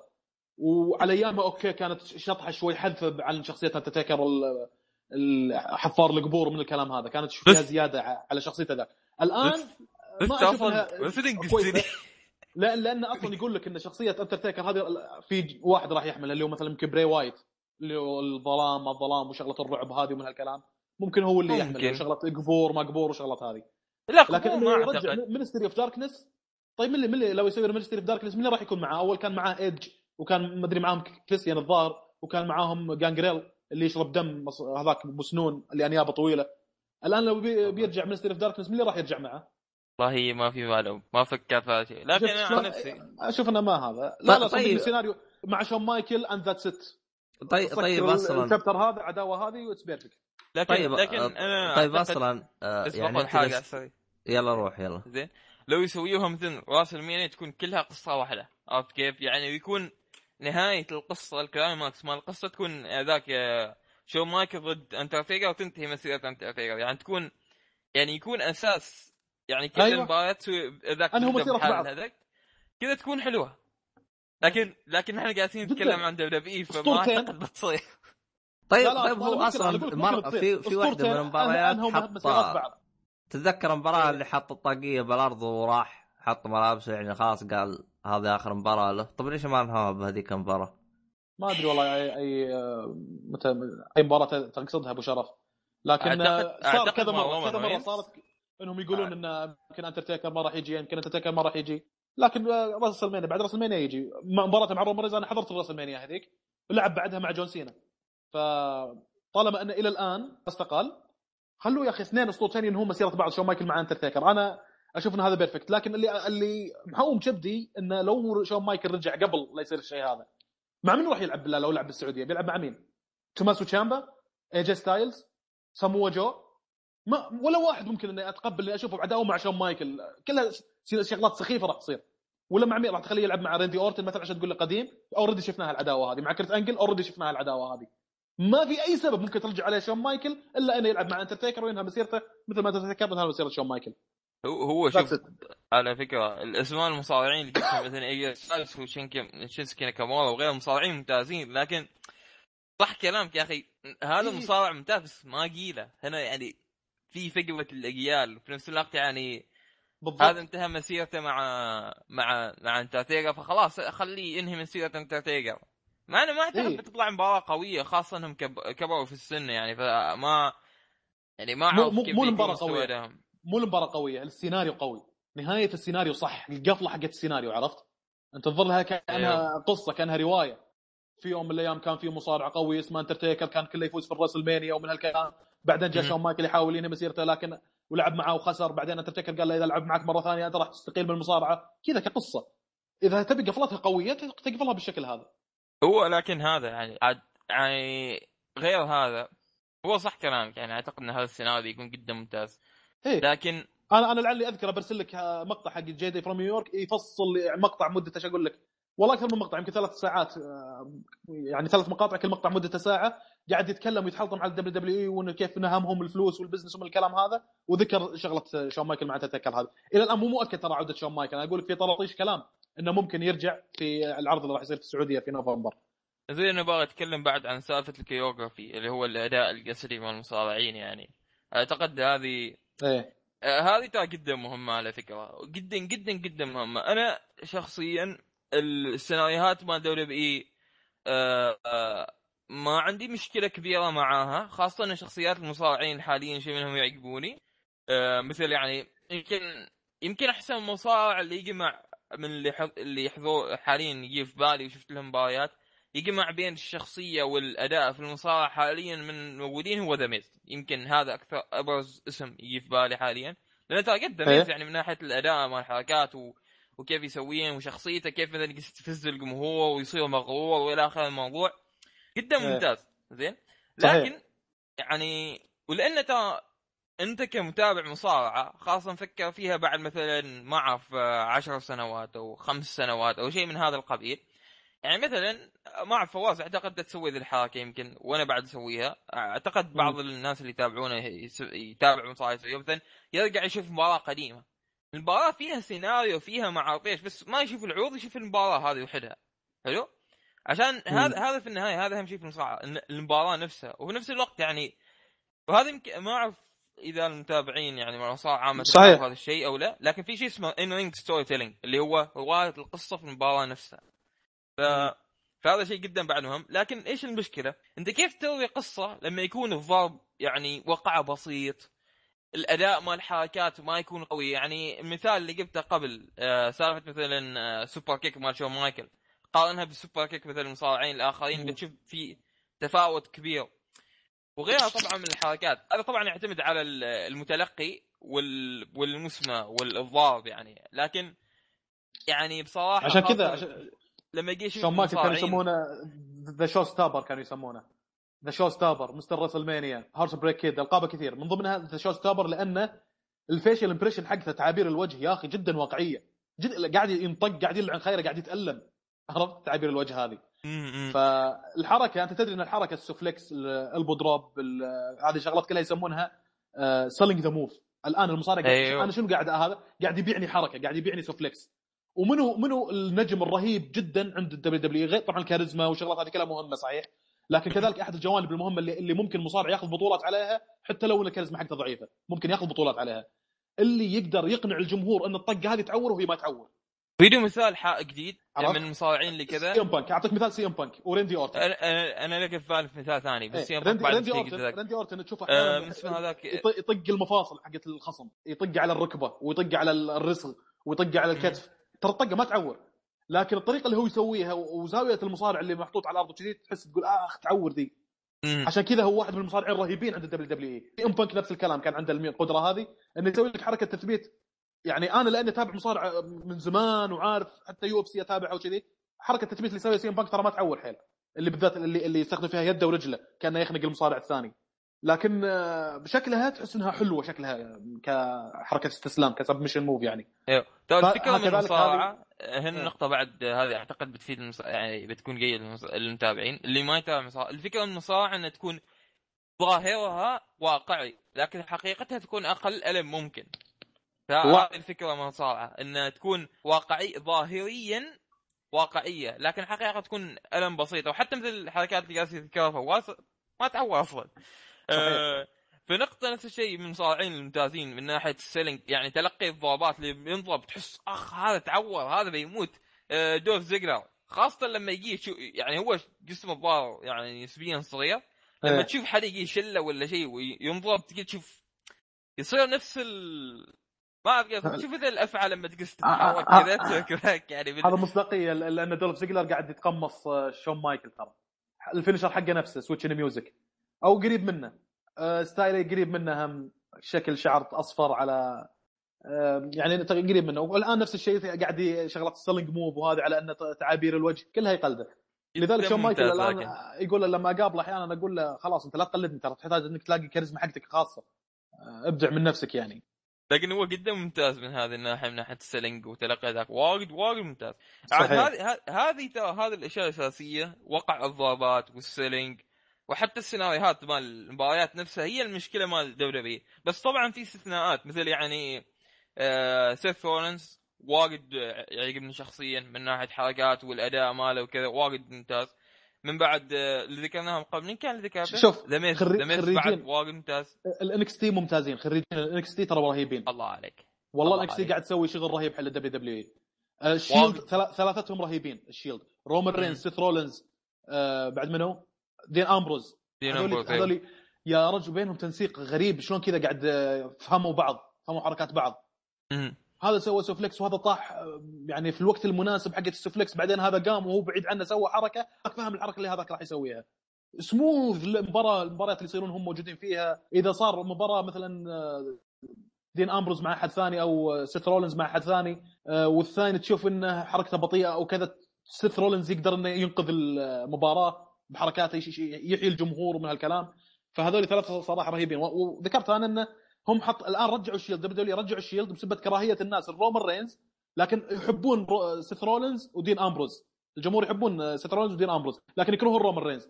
فقالوا إيش؟ نحط صب على اسمهم وهم Shield نخليهم مم. Shiel- Shield. خليهم درع الرومان رينز. بحيث إن الناس خلاص ما يكرهونهم حيل. ما يكرهون رومان رينز حيل. لأن معه هذول الاثنين المحبوبين. على فكرة أعتقد ان إيه. أعتقد ناس عاد لهم فترة تصيح لأنه هو أصلا آه هذا ترى هو أصلا آه رومان رينز حاليا المفروض إنه face يعني المفروض إنه شخصية طيبة ومحبوبة. زين؟ يعني هو إيه، يكون صحيح. المفروض بطل. لكن كل حد. كاره فالناس كل الناس تقريبا يقول خليه heel اللي يعني شخصية شريرة. زين؟ وفعليا هذا ال switch هذا اللي يعني التغيير بين إنه يحولوه من face إلى heel فيصير سموث سموث لأن أصلا الناس خلاص من قبل كارهته بس ما يبونه ما يبونه. دبليو دبليو ما يبونه هيل. دبليو هذه يبونه. المشكلة. قاعد يفرض. فرض فينس مكمان عرفت؟ هذه المشكلة. جدي from New York تدش يقول؟ يقول وجود آه شو اسمه أبو لحية هذاك الضخم اللي جاء في SummerSlam في مباراة بروك ليسنر مع آه رومان رينز؟ آه، برون سترومان؟ برون سترومان. يقول هذا- هذا ترى وجوده في المباراة الامتصاص غضب غضب الجمهور. هو رهيب إيه. يقول الامتصاص غضب الجمهور الجمهور راح ي... لو انه صارت مباراة بروك ليسنر ضد رومان رينز والناس عارفين إن رومان رينز راح يفوز عقب هال هال delay اللي قاعد يصير كل مرة ياجلون يأجلون توقعنا بالسعودية يفوز بال Universal Champion اللي هو رومان رينز أجلوا بعد Greatest Royal Rumble مشينا في واضح في SummerSlam في chance كبير إن رومان رينز راح يفوز. إيش أقول لك؟ 70% من الجمهور متوقع الشيء هذا. فلو صارت المباراة بدون أي تدخلات بشكل عادي جدا رو- بروك ليسنر مع رومان رينز الناس راح يثيرون ثورة قوية على رومان رينز بعد ما ياخذ الحزام فشنو سووا؟ هذا هذا تحليل جاي from نيويورك جابوا آه، برو آه، شو اسمه برون سترومان مم. عشان الناس يركزون برون سترومان الآن راح يسوي cash in للشنطه اللي معاه. متى راح يسوي cash in شنو راح يصير؟ ما يصير. من باب آه، إنه يشتت كره الجمهور لرومان رينز. أوكي تشتتوا الآن فاز رومان رينز بال universal champion يلا اطلع بسرعة. حتى celebration ما احتفل كثير ترى. ما, ما طول في العالم شوي كذا وماسك الحزام ثاني طلع في SummerSlam. فهو تحليله إلى حد ما أتفق مع التحليل هذا لأن فعلا الناس كارهين رومان رينز فممكن الاتحاد يسوي أي شيء عشان يشتت كره الناس لرومان رينز لأنهم يبون يفرضون رومان رينز غصب. أنا أنا إلى الآن ماني فاهم كره الناس لرومان رينز يا أخي رهيب يا أخي. شفت تفقع راسه مع بروك ليسنر. في مباريات مع بروك ليسنر انشق راسه شق. نفس يوم إن آه، تقول بروك ليسنر مع ريندي أورتن يوم انه استخدم. طقة غير قانونية نفس. الطقة ترى استخدمها مع رومان رينز وانشق راسه رومان رينز وقام يصب دم. ولعب. مباريات كبيرة. رومان رينز ما أدري ليه الناس ما هم متقبلينه يا أخي جلد قوي يمكن عنده ضعف شوي بالتكلم بالميكروفون لكن هذه ما هي شغلة ممكن تكون عائق في إنه يفوز في ال universal champion هو هو نفس الشيء يعجب أنا مثلك يعجبني لكن مم. أعتقد السبب إيش؟ يا أخي يعني أذكر مثلا إذا هذيك اللي صارت والله ما أذكر هل هي اللي صارت في Greatest Royal Rumble هي اللي صارت في Greatest Royal Rumble لما آخر شيء سوى spear وكسر إيه. القفص. صحيح Royal Rumble هذه غلطة تحكيمية صارت فيها كذي. إيوه. هذه وغيرها يعني من المواقف يعني هو تحسه كانه مصارع مقيد. يعني هذا يمكن أحسن وصف حاله. يعني ما ما تحس إنه يبدع وايد. يعني كانه كذا داخل في إطار معين وجالس يلعب فيه. وهذا أذكر تحليل واحد من الأصدقاء. كان يقول إن هذا السبب إنه لأنه يعني هو المفروض هو مخلينه ال face. فعشان يخليه ال face لازم يخليه مقيد وما يسوي أي حركة ومثالي إلى آخره من الأمور. زين؟ فمثل مثل هذه الحركة يعني حركة حلوة إنه يروح يسوي spear ويكسر القفص. أوه حماس. هذا. المصارع اللي انبهر زين؟ إيه إيه. فلما تشوفه سوى هذيك الحركة وبعدين ما فاز تحس طار. يا أخي ليش؟ وغيره من الحركات مرات مثلا يجي يخسر ولا شيء تشوفه معصب على الآخر كأنه يعني كان ما راضي بانه يكون مقيد أو حاجة مثل هذه. فما أعرف يمكن من إيه. الحركات مثل إنه والله عنده قالب معين ما يخرج منه أو شيء كذا. يعني أنا عن نفسي نفس الشيء ما أنا ما أشوفه مصارع قوي. بس اشوفه مصارع زين. يعني يسوي حتى ح- صحيح. شكله وكذا لبسه. زين واجد يعني. بس تلاقيه أشوف الناس كارهين أقول ليش؟ ما أعرف صراحة. إلى يمكن هذا ما أعرف. أنا أذكر إن بعض كان يقول إن ال spear ماله ما زينة. بس زين غير ال spear إيش فيه؟ ما أدري. ما أعرف. صراحة ما لا يعني يعني. أنا في ظل المصارعين اللي موجودين حاليا أنا ممكن إني أق... يعني أقول أسوي لك سيناريوهات أطلع منها أبطال. لكن هل أنا أتقبل رومان رينز ك... ك universal champion؟ إيه بكل بساطة إيه. فليش أقول لك إن فلان أحق فلان أحق؟ أنت اللي تقول لي مو ما يستاهل. تقول لي ليش شنو شنو شنو ملاحظاتك عليها الجذرية اللي ما يستاهل إنه يكون بطل عشانها؟ ما ما بتلاحظ إنه ما في شيء واضح يعني. أصلا ال universal صراحة champion ترى الآن تقريبا اقوى أقوى بطولة ب WWE ال universal champion فما يعطونها واحد عادي. يعني أتوقع الحين إذا ظل برون سترومان على هذا ترى ممكن هو اللي ياخذها ال next champion برون سترومان لأنه مجنون لأنه خبل. إيه. الآدم يمشي وتشوف وراه شغلات. اسعاف تطيح. تفجيرات مدري شنو يشيل سيارات يقلب سيارات كيفن اوينز إيش سوى هو نفس الشيء ف... هو هو في وايد إيه، مصارعين يعني لو تبغى صدق حاليا يعني بيجي أفكر في وايد مصارعين زينين حاليا في WWE يعني مثل برون سترومان آه، كيفن اوينز سامي زين شينسكي ناكامورا ايجي ستايلز وغيره يعني تشوف هذول كلهم ما. تحس لكن انه في واحد يعني. أعظم من الموجودين يعني WWE عامة يعني. عندك عندك WWE champion وفي عندك universal champion ما أقدر أرشح مثلا شينسكي ناكامورا حق ال universal champion لأنه موجود ب SmackDown إيه، يعني لا- أيوة، في عندك آه، بطلين عرفت؟ آه، هذه أيوه أعرفها وفاهمينها. زين ذكرتها عشان نستمع. لكن أنا أقصد لما أجي أشوف المصارعين عامة ما أشوف والله مثلا إن هذا يعني يعني هذا مثلا خاطر ياخذ الحزام لأنه مثلا اللي ماخذ الحزام ما يستاهل. لا أحس كلهم يعني فيهم تقارب من ناحية المستوى الأسماء الكبيرة على الأقل. ومنهم مميز بس اللهم ليش ناس كارهينه هذا شيء يمكن بنعرفه مستقبلا يمكن لا ما أعرف صراحة يعني. تقول تقول ما ما- تا- ما تابع مصارعة ومن شنو انت تعرف كل شيء. إيه. اللي اللي اللي ما عرفته قبل التسجيل كنت أقول حال فواز إني ما تابعت واجد يعني ما عندي يعني ما قاعد أتابع حاليا دب في بس طالع. شكلي غير. دبليو دبليو. تابع دبليو دبليو وغير دبليو دبليو أصلا. يعرف كيني أوميجا ومش يعرف اول زين ممكن نط على هذيل كيني أوميجا وكذا عشان نبين يعني مستوى مستوى دبليو أوكي. ممكن؟ أوكي زين. أنا أبغى أتكلم عن مباراتين آه مال كيني أوميجا وناس اسمه الثاني دوار أو أوكادا. هذه اسمه. سنين من شو شوي فواز امسك المايك عنه عشان ادور اسمه اوكادا طبعا أنا بس معلومة بس عن آه، التحطم اللي إحنا قاعد نسويه الناس يقولون ليش ما في غير WWE ومن هالكلام. آه، واحد من المصارعين السابقين في ال WWE سوى عرض عرض كذا out of nowhere ما هو اتحاد مصارعة عرض واحد بس. اسمه All In. عدد الحضور تقريبا 10000 خ- خل بتكلم عن ال All In معلومة بس. عدد. الحضور في ال All In 10000 آه، مشاهد. هذا الشيء أول مرة يصير تهديد لل WWE من من مصارع من عرض ثاني يعني. عادة ما يحطون ال Impact أكبر شركة بعد ال WWE تقريبا في أمريكا. عدد الحضور ما يوصل للمستوى هذا كثير ما يوصل يعني حيل أقل من كذي. اللي ما يعرف Impact هم TNA سابقا.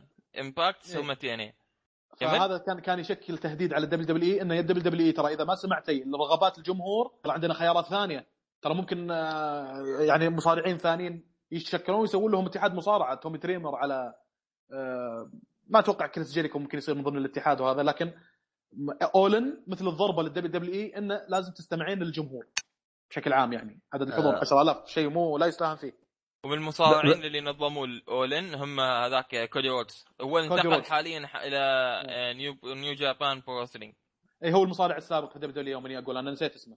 كودي رودز آه، من مصارعين ال third generation ولد مصارع في ال WWE واحد قديم جدا. وأخو ستاردست لا جولدست أخو جولدست الصغير. أخوي ولد يا سلام عليك. زين.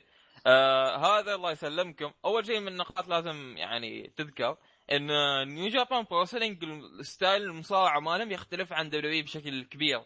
لأن ال style مالهم يعني أقرب للرياضة الحقيقية. يعني تشوف الحركات اللي. يعني ما بس الحركات. ال style مالهم رياضي أكثر. يعني في تركيز أكبر على الأداء من ناحية المباراة. عكس W اللي فيه تقريبا حاليا الأداء في W شبه مهمش إلا ببعض الأسماء اللي مثل ذا ميز وغيرهم. زين؟ لكن ودانيال حالياً براين. دانيال براين بعد نفس الشيء. لكن لكن آه، في نيو جابان برو تلاحظ كل المصارعين on fire طبعا بدرجات مختلفة. لكن كلهم الأداء مالهم قوي. حتى إن من النقاط اللي آه، أذكر ولد عمل انهم يحبهم أكثر عني يعني ويتابعهم أكثر بشغف أكثر. يقول من النقاط اللي لازم لازم عشان تعرف مال نيو جابان برو بعد نهاية كل مباراه تشوف المصارعين اثنينهم طايحين في الأرض من الارهاق يعني إيه. هذه مت... هذه متى نشوفها في WB؟ هذه أنا- أنا- في أحلام اليقظه ما نحلم بها أنا يوم اطريت نيو جابان برو رسلينج في الحلقة اللي تكلمنا فيها عن Greatest Royal Rumble كنت أقول آه، تشوف المباراة هناك كأنها آه، شيء فيها شيء من نكهة ال animation الياباني.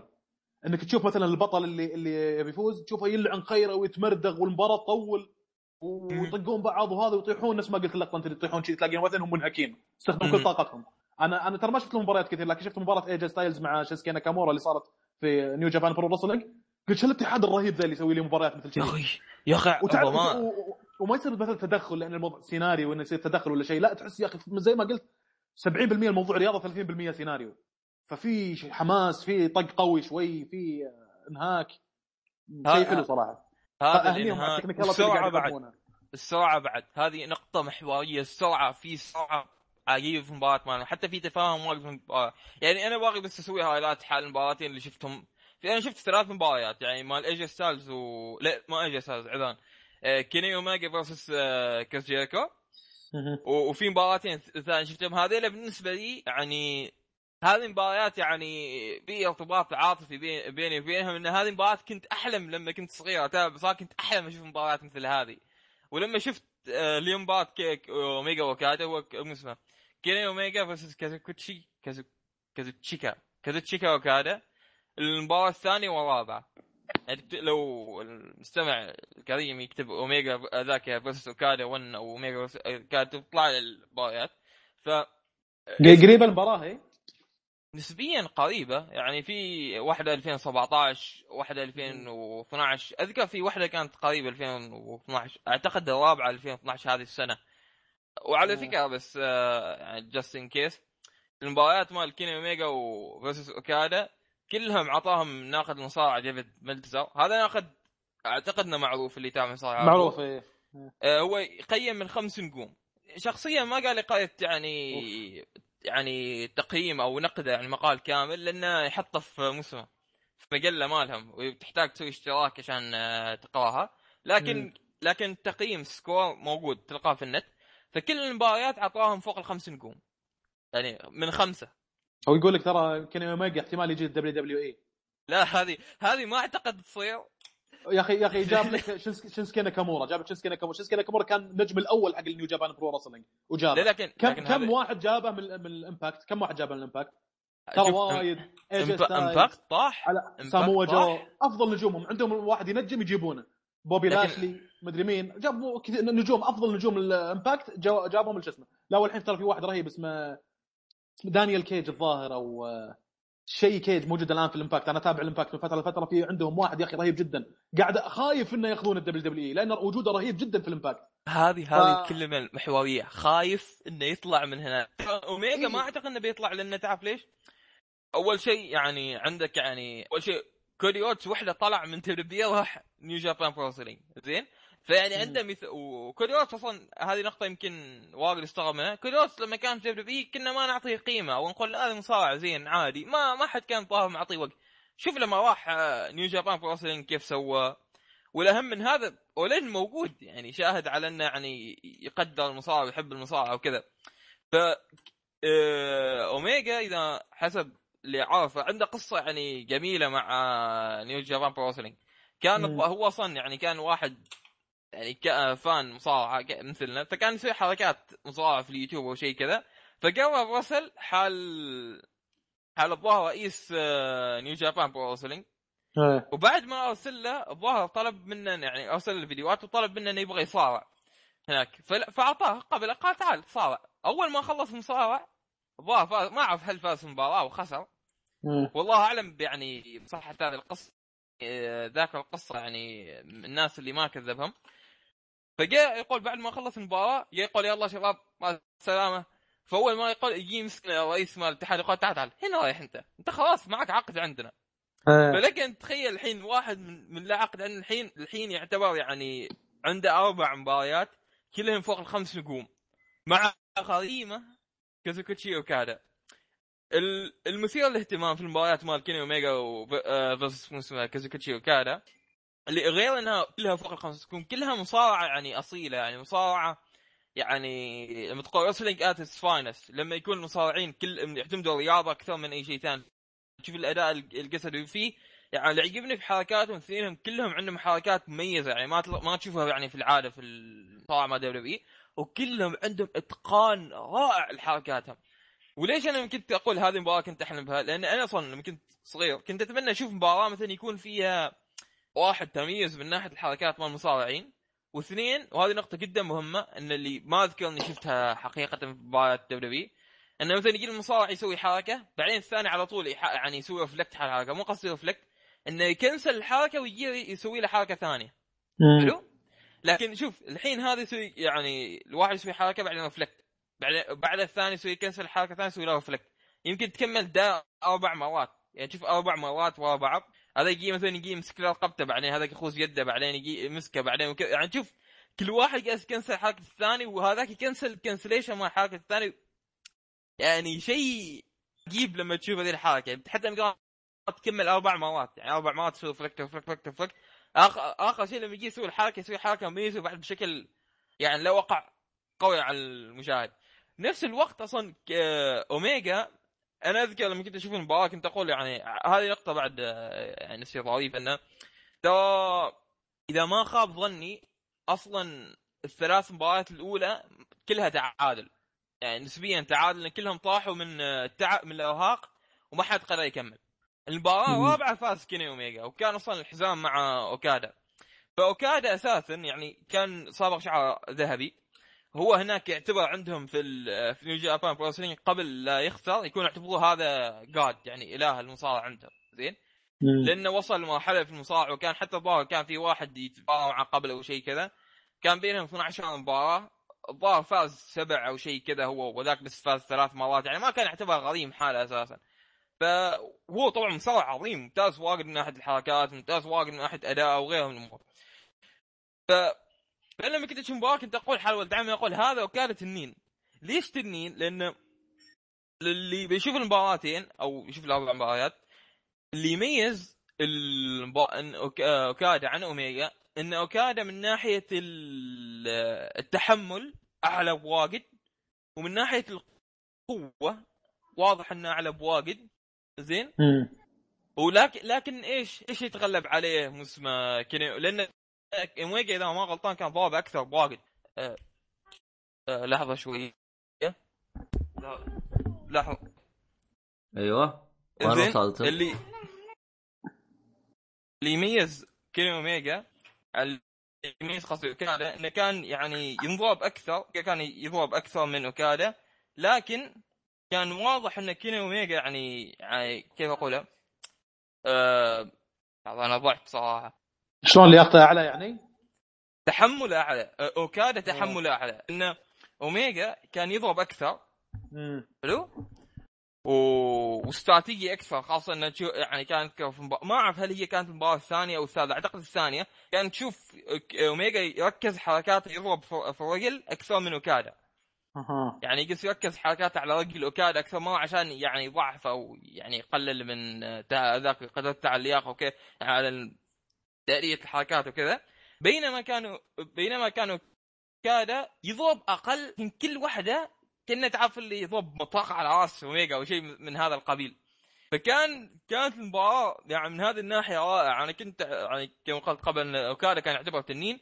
بينما كنت أشوف كيني اوميجا نمر لأنه يعني يعني أنا أنظر للتنين إنه هو يعني كان أقوى وأعظم أو يعني أكثر قوة بشكل عام. والظاهر هذا الشيء في الفلكور اليابان يعني في ياكوزا لعبة ياكوزا إذا أحد منكم يعرفها إيه. لا لاحظت في الوشوم حاجة يعني لما تقص تقرأ وصف الوشوم يعني كأن التنين يعتبر أعلى منزلة حتى مثلا كان آه، في وشم إن إن النمر مثلا سريع والدب قوي والأسد قوي مثل كذي التنين أقوى شيء ها؟ إيه الظا- الظاهر كذا لأن يعني آه هذا شوي شطحة عن آه بالنسبة في ياكوزا في ياكوزا مثلا كازوما كيري اللي هو البطل مال السلسلة. الوشم ماله التنين والتنين ياخذ يعني منزلة قيادية في العائلة مالهم في نفس الوقت يمتاز بالحكمه والقوة. في نفس الوقت يعني كان في وشمين واحد حرق فما بقوله لأن له دخل ب بالقصة. مال مال الجزء الأول فبخليه. لكن في شخصية ثانية كان نمر. يعني الوشم مال نمر ويقول والوصف مال الوشم ماله يقول لك هذا النمر قوته يقدر يجابه تنين. يعني فكأنه حاطين تنين اعلى شيء إنه هو أعلى منزلة من البقيه وأقوى بينهم. فالمهم. ف بينما النمر يعني أنا أشوف النمر ممتاز بالاستراتيجيه يعني أذكر من زمان كنت أتابع وثائقي فكان يقول لك إن النمر على حجمه جاسوس ممتاز. فهذا يبين لك إنه في جانب استراتيجي يعني في شوف يعني. آه في في مصارع أنا ذكرته في ال Impact اسمه براين كيج ها؟ شيك. عليه. براين. كيج اللي, اللي قلت أخاف إنه يجي لل WWE هذا لأنه وجوده بال Impact حيل عاجبني. أتابع ال Impact عشانه يمكن. ف براين كيج شوف لا أي مباراة يعني دائما مبدع في مبارياته. وحش كذي ضخم وجسمه قوي و... و technicality عنده رهيبة وكذي. أنا في في شغلات بذكرها لأن أنت ذكرت بعض المصطلحات يمكن المستمعين ما عارفينها. مصطلحات مثل الأدوار في المصارعة. في ك- cheer معناتها محبوب المصارع محبوب بشكل عام. اللي هي. أغلب فترة جون سينا كان cheer اي جي ستايلز تقريبا الآن مهم. أو بين cheer وبين babyface طبعا هالادوار يختلفون فيها متابعين المصارعة. أحيانا يقول لك فلان cheer يقول لك لا هذا يا أخي babyface هذا مثل كذي. في heel اللي هو المكروه.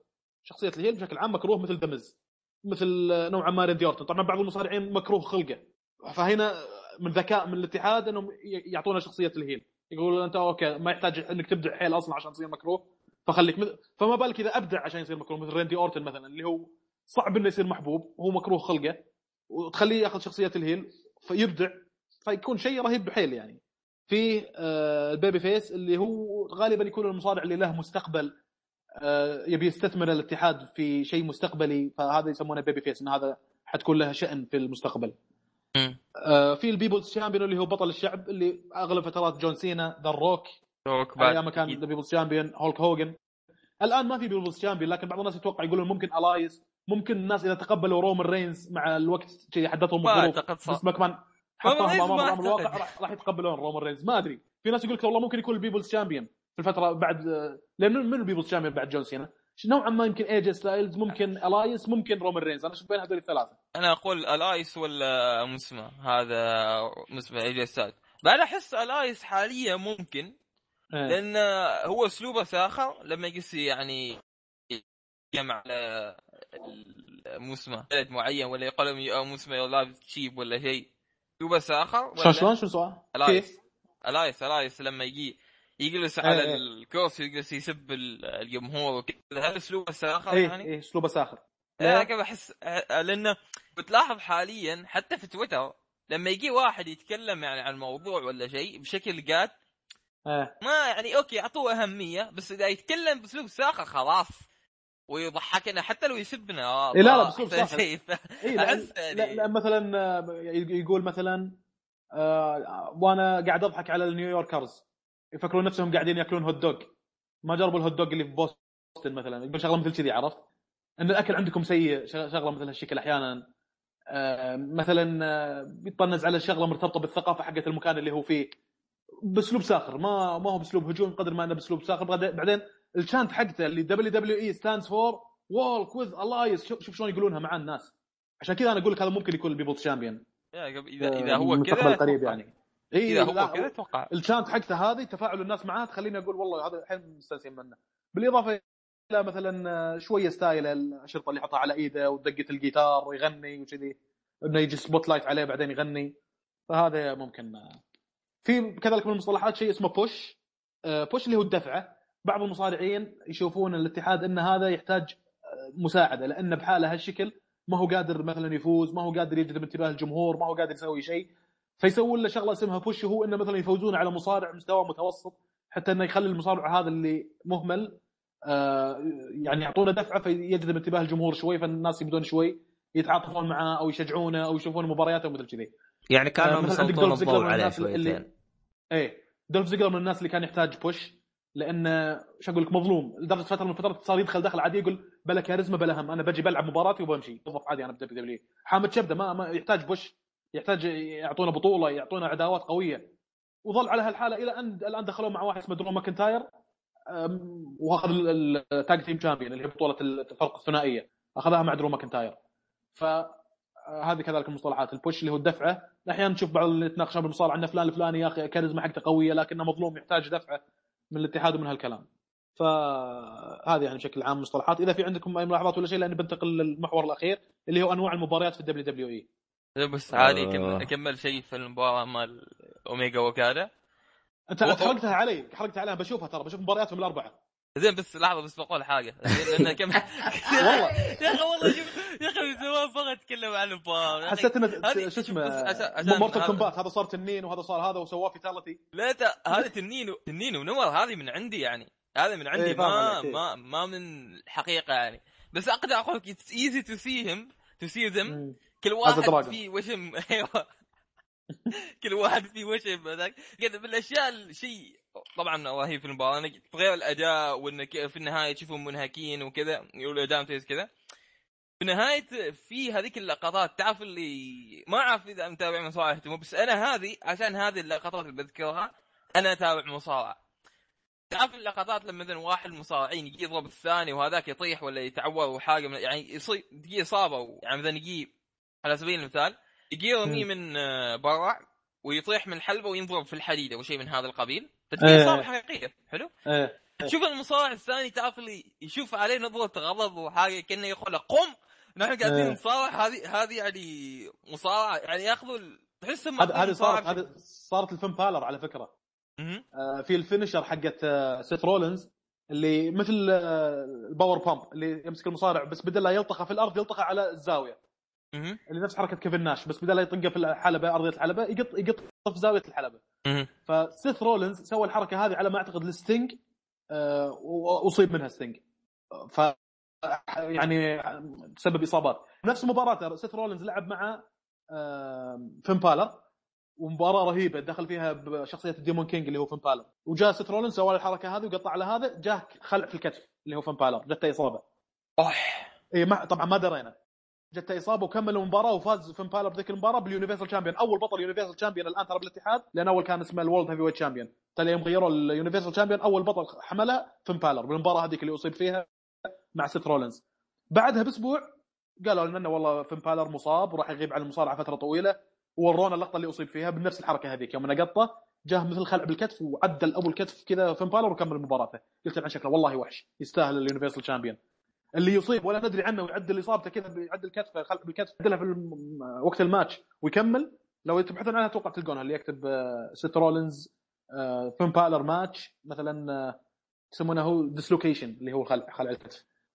لقطة مشهورة انشهرت. بعدها غاب فين بالر يمكن شغله ست شهور إلى أن يعني تعافى من إصابته ورجع بعدين.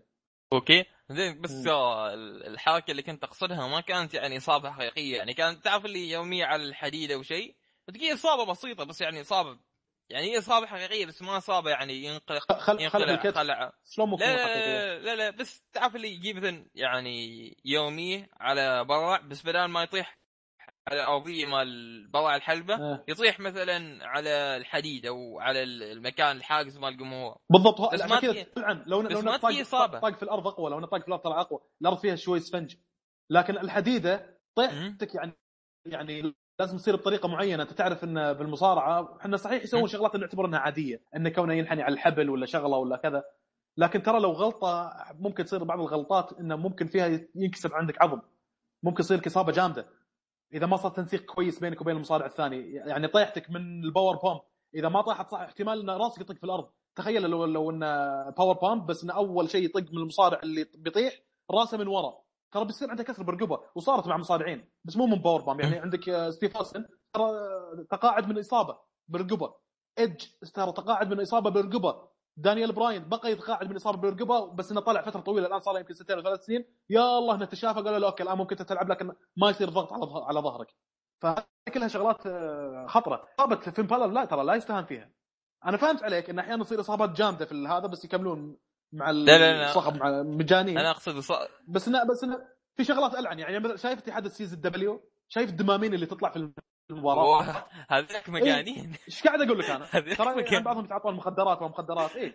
فيجيك ما ما- أصلا ما يحس بجسمه هو. وممكن يطيح من فوق هذا ممكن تطقه بعصات على رأسه ويطالعك ما عنده أي مشكلة. لكن لما تطقه بعصاته راح يسوي نفسه تعور. هو أصلا ما تعور لأنه منشق هروين ولا مسوي شيء بعمره.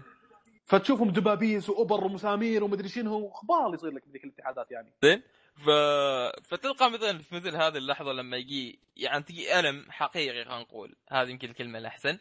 فتشوف مثلا المصارع الثاني يومق الآخر بنظره غضب كأنه يقول قم نحن جالسين نصارع. تشوف عقلية الساموراي اللي لما كانوا يت- يعني كأنه يأخذوا المباراة يعني أو كأنهم يأخذوا المباراة بعقلية الساموراي إن هذا قتال حتى الموت وهذا شرف ولازم تقوم فتشوف مثلا في هذا الشيء أنا اقراه في وجوههم وحتى أنا أذكر يعني واحد أعتقد في المباراة الثانية كان نهايتها في ال climax مالها أوكادا عنده حركة اسمها Rainmaker. اللي هي موسم تعرف إيش هذيك الحركة اللي اسمها حبل الغسيل ولا إيش؟ لما يجي مثلا يرفع الثاني ويجي يضربه ب- على رقبته ويطيح في الأرض.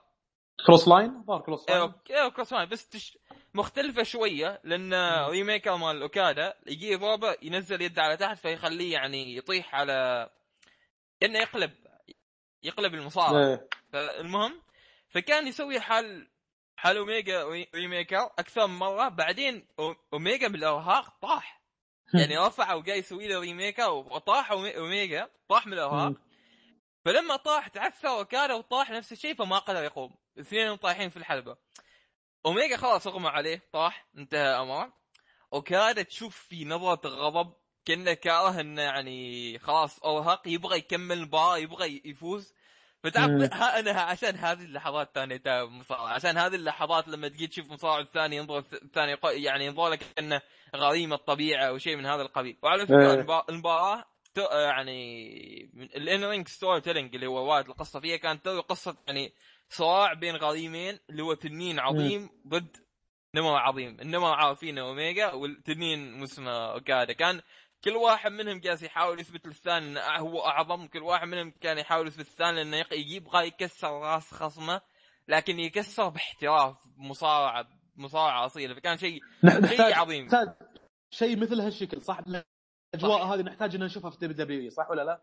صح. هذا هذا أكبر انتقاد يمكن من أكبر الانتقادات على دبليو دبليو يا أخي ليش ما نشوف شغله هذه؟ ليش قاعد نشوف شغل التجاري اللي عرض أنت قاعد تسلق عليه وهالشكل ومشوا المباراة الأولى والمباراة الثانية؟ ما يصير شيء خارج عن المألوف نفس ما كنا نشوف أول أيام لاتوديدو إيرا يوم ان لا. ستيف أوستن والشغلات هذه. جا- جابوا لك شيء خارج عن المعلومه صراع. إيش؟ يصير تصير بس بس جا- قبل جا- بس انها قليل يعني. لا جاك جون سينا تجوز هذيك. جابوا لك واحدة. من؟ يلا. جالسين يتزوج بريبلا. إيه، كيف من يعني بس يلا. والله خليني ساكت بس. المشكلة هذاك هذا أنا حضرته أنا الرسل مانيا هذا كنت موجود. والله العظيم بط شبدي. ولا والحين ظهر انفصل عنها بعد. أحا. إيه انفصل عن بريبلا ما أدري الثانية لا، لا. شيء يرفع الضغط. يعني يا أخي تزوج برا يا أخي هذه مصارعه هذه. يا أخي أحترم الناس أحترم هذا. سؤال سؤال. هذه اللي تزوجها هو نفسه. تو لحظة أنا- أنا سؤال شوية السالفة ما اعرفها ترى زين. هو اللي تزوجها هي هي نفسها هذيك اسمها أخت ما أخت زوج الدا... أخت زوج لا دانيال لا براين ه- ولا واحدة هذول ثانية؟ إيه لا إيه الجواب جواب سؤالك إيه لأن هذول توينز البنتين بريبلا إيه. والثانية ناسي والله. توأم. أيوه تو اي.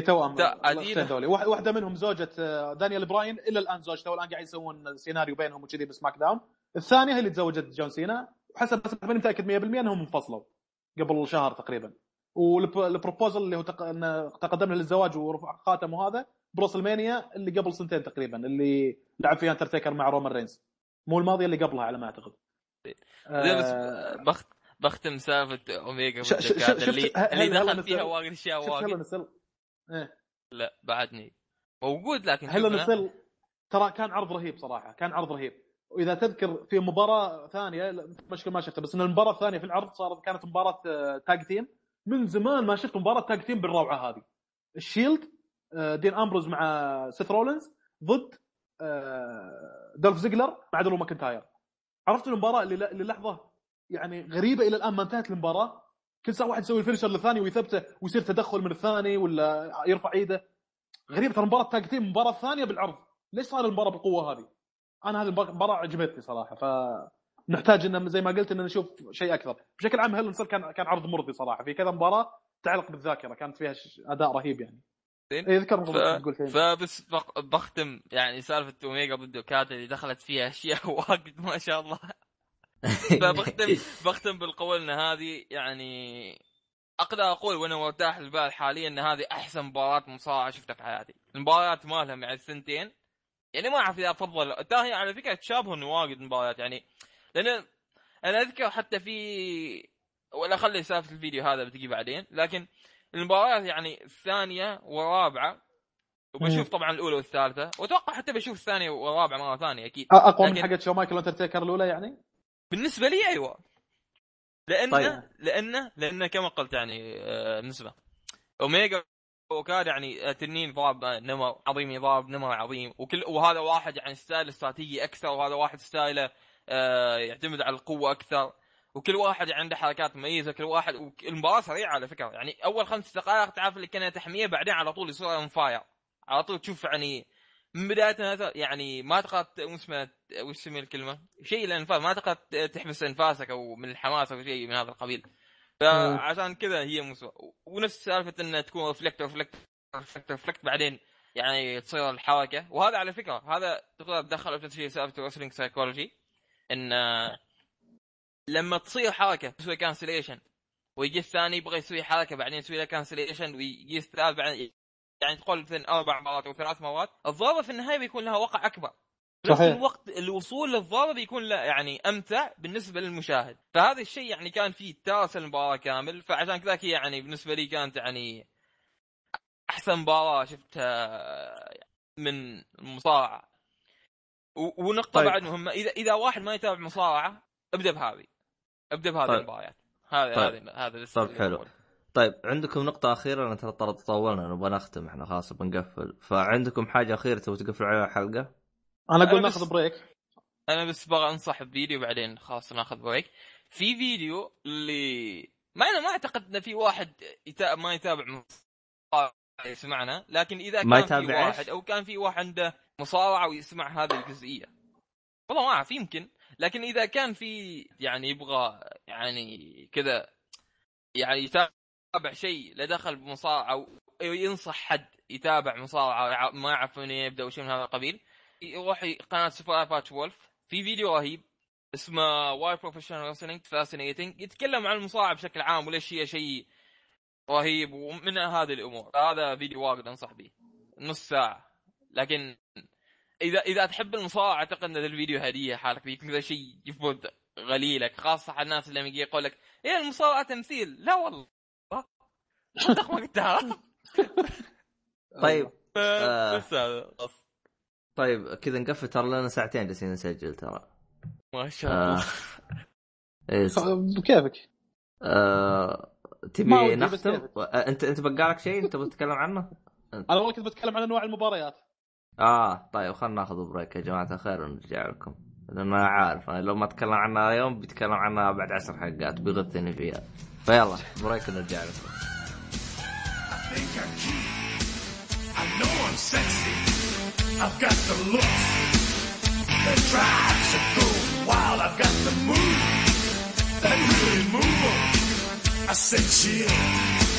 Up and down their spine.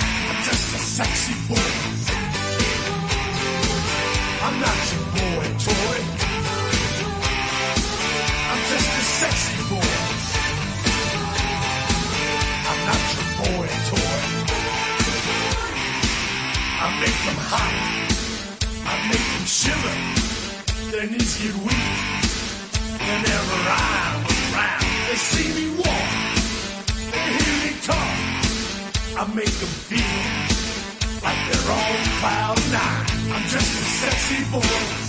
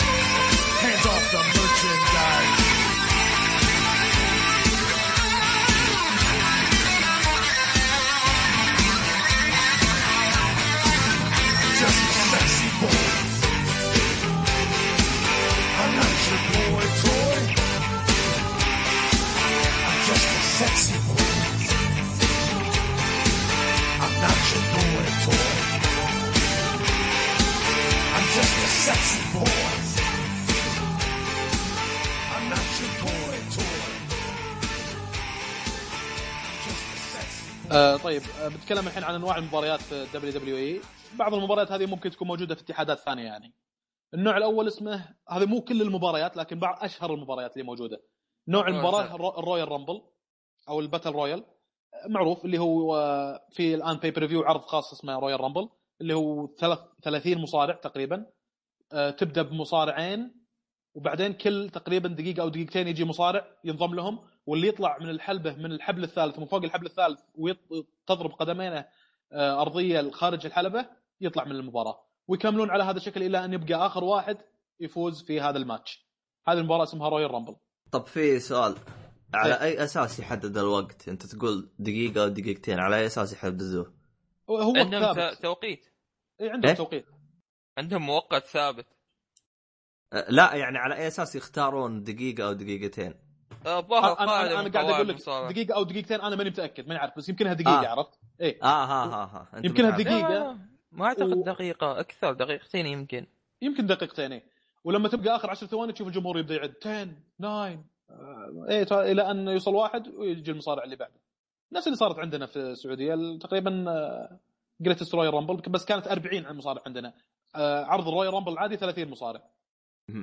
تمام آه، ربعي على ما. أعتقد آه، في حرمتين شاركوا في تاريخ الرويال رامبل تشاينا واحدة منهم وذا جلامازون بث فينيكس هذا من المفارقات. اللي عارف انه كان في واحد في واحدة ظهر خاله ومسمى متينه ما أعرف في واحدة منهم.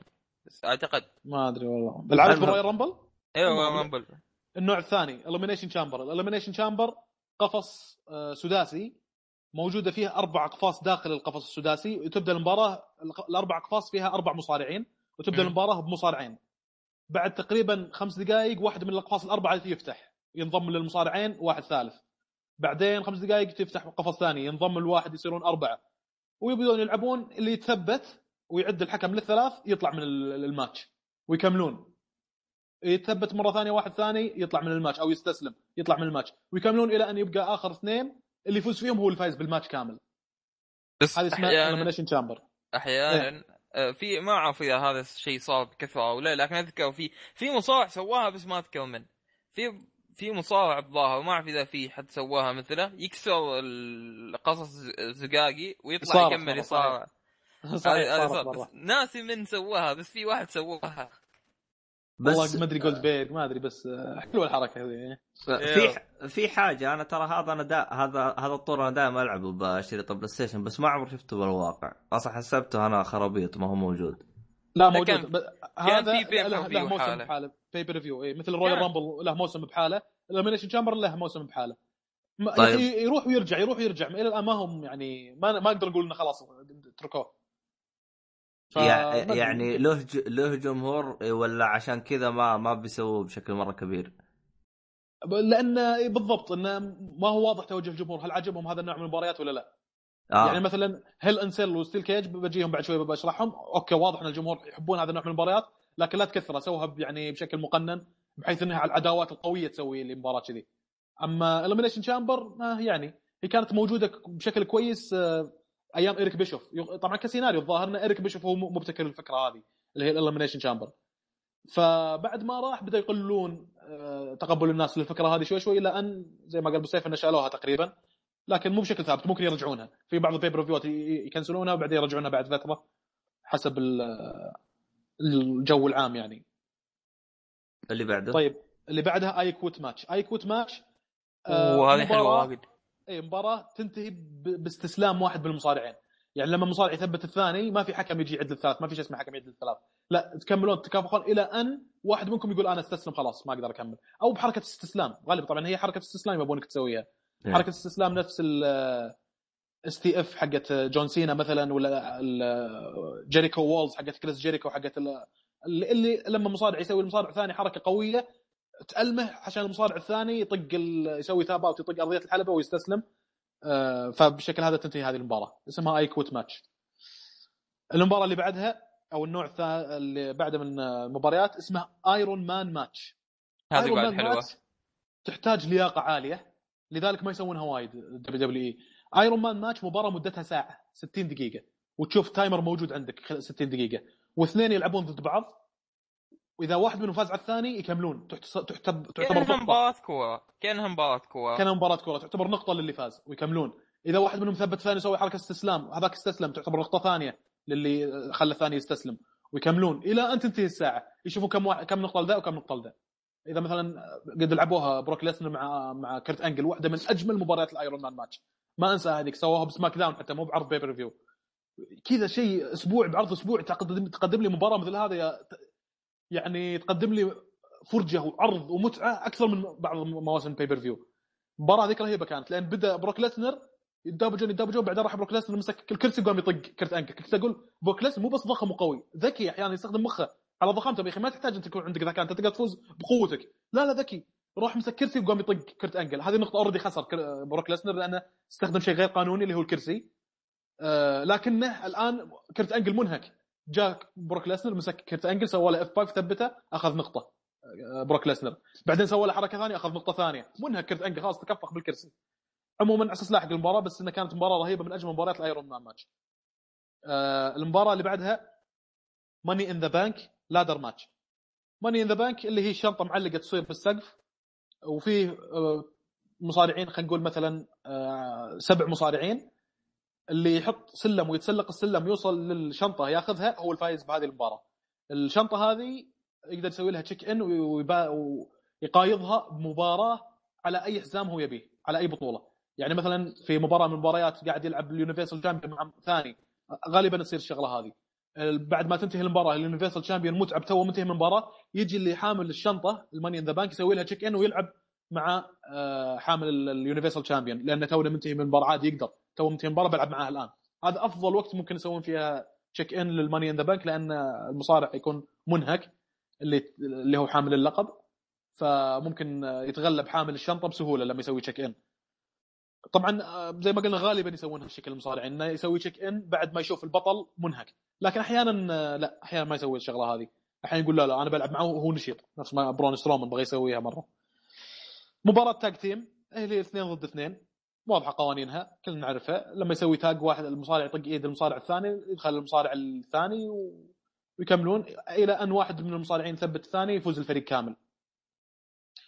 falls count anywhere اللي هو إنه يلعبون آه، مباراة ومو شرط إن التثبيت حق المباراة هذه عشان الحكم يعد الثلاث يصير داخل الحلبة على أرضية الحلبة.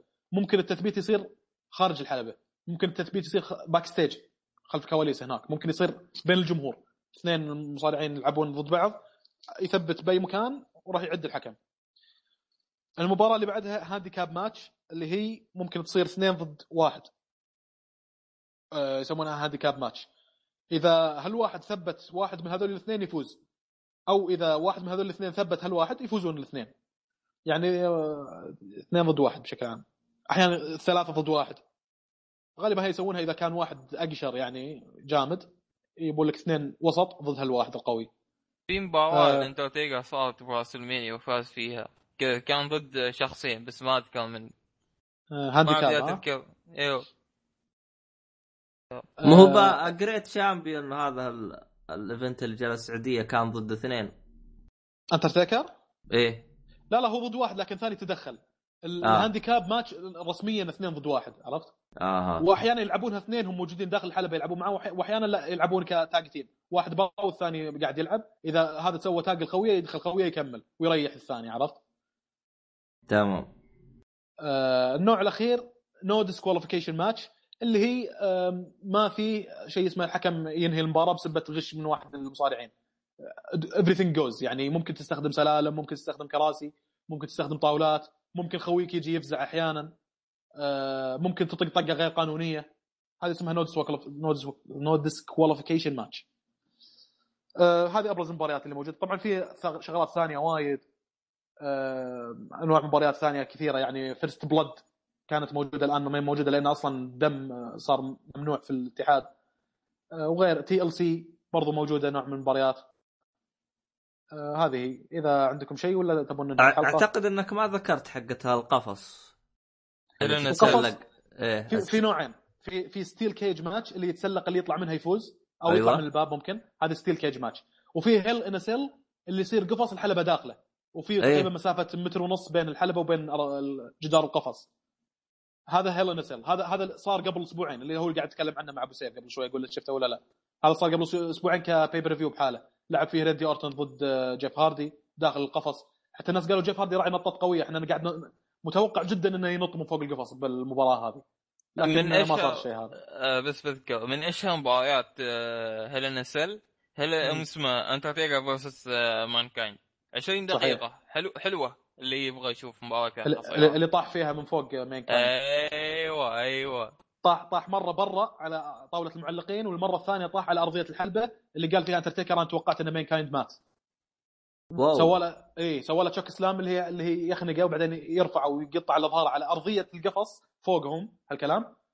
المفروض إنه يطيح على أرضية القفص لكن اللي صار من أرضية القفص انشقت وطاح على الحلبة Mankind دبوف وطاح طاح الظاهر إنه بشكل غير منسق فأتوقع إنه طاح على رقبته ولا على راس انترتيكر فقال هذا مات هو مكفول وطاح طايحه ما ما. تحرك ما تحرك Mankind فقال توقعت إنه مات الآدمي.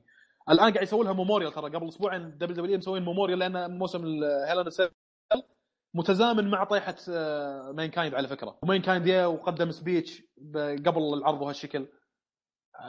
يعني ك شنو حس فيه؟ شنو المباريات هذه؟ شنو تعني للمصارع مباراة ال Hell in a Cell وكذي. بس كذلك هذه صراحة حقت Shane McMahon اللي صارت في ال WrestleMania مع أيوه انترتيكر أيوه صح. نفس الشيء Shane McMahon نط نطة مريضة.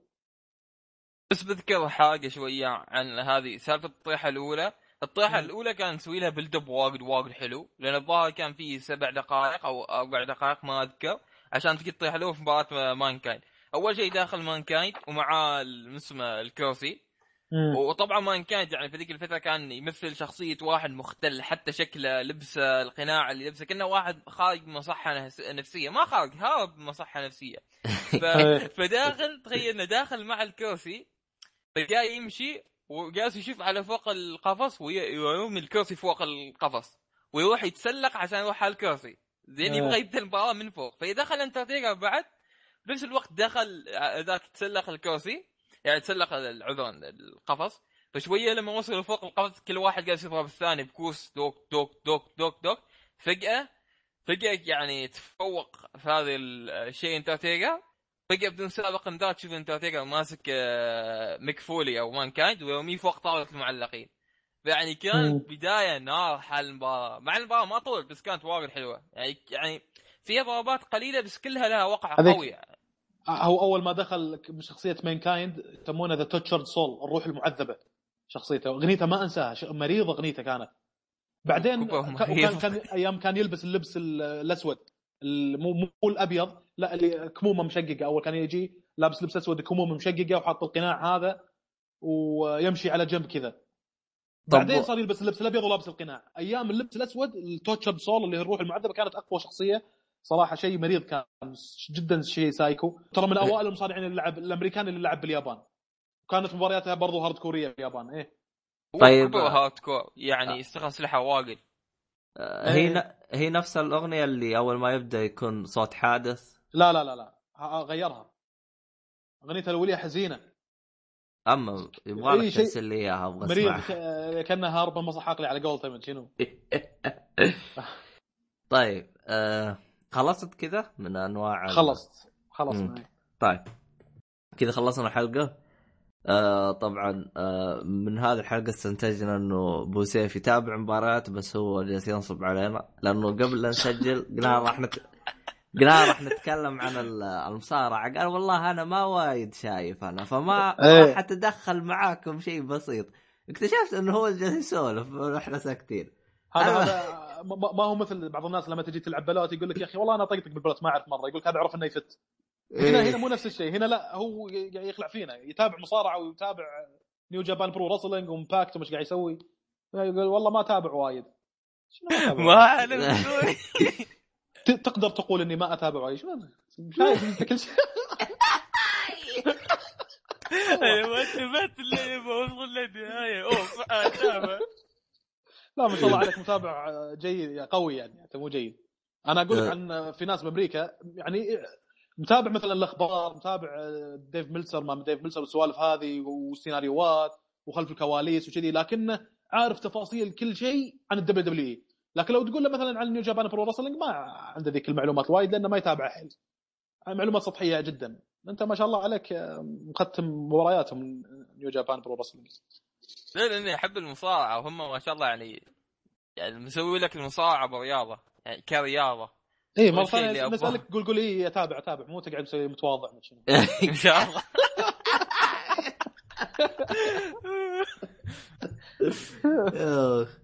لا حول ولا قوة إلا بالله المهم آه كذا خلصنا الحلقة آه طبعا هي الحلقة أصلا المفروض ما تكون على المصارعة كانت يعني فيها مواضيع ثانية لكن اكتشفنا إنه بوسيف جاء خرب الوضع خلاها مصارعة اسف اسف أيها المستمعون الكرام المهم فحلقه اللي فاتت سياحة وهذه مصارعة. حق جاي وش راح تكون يا؟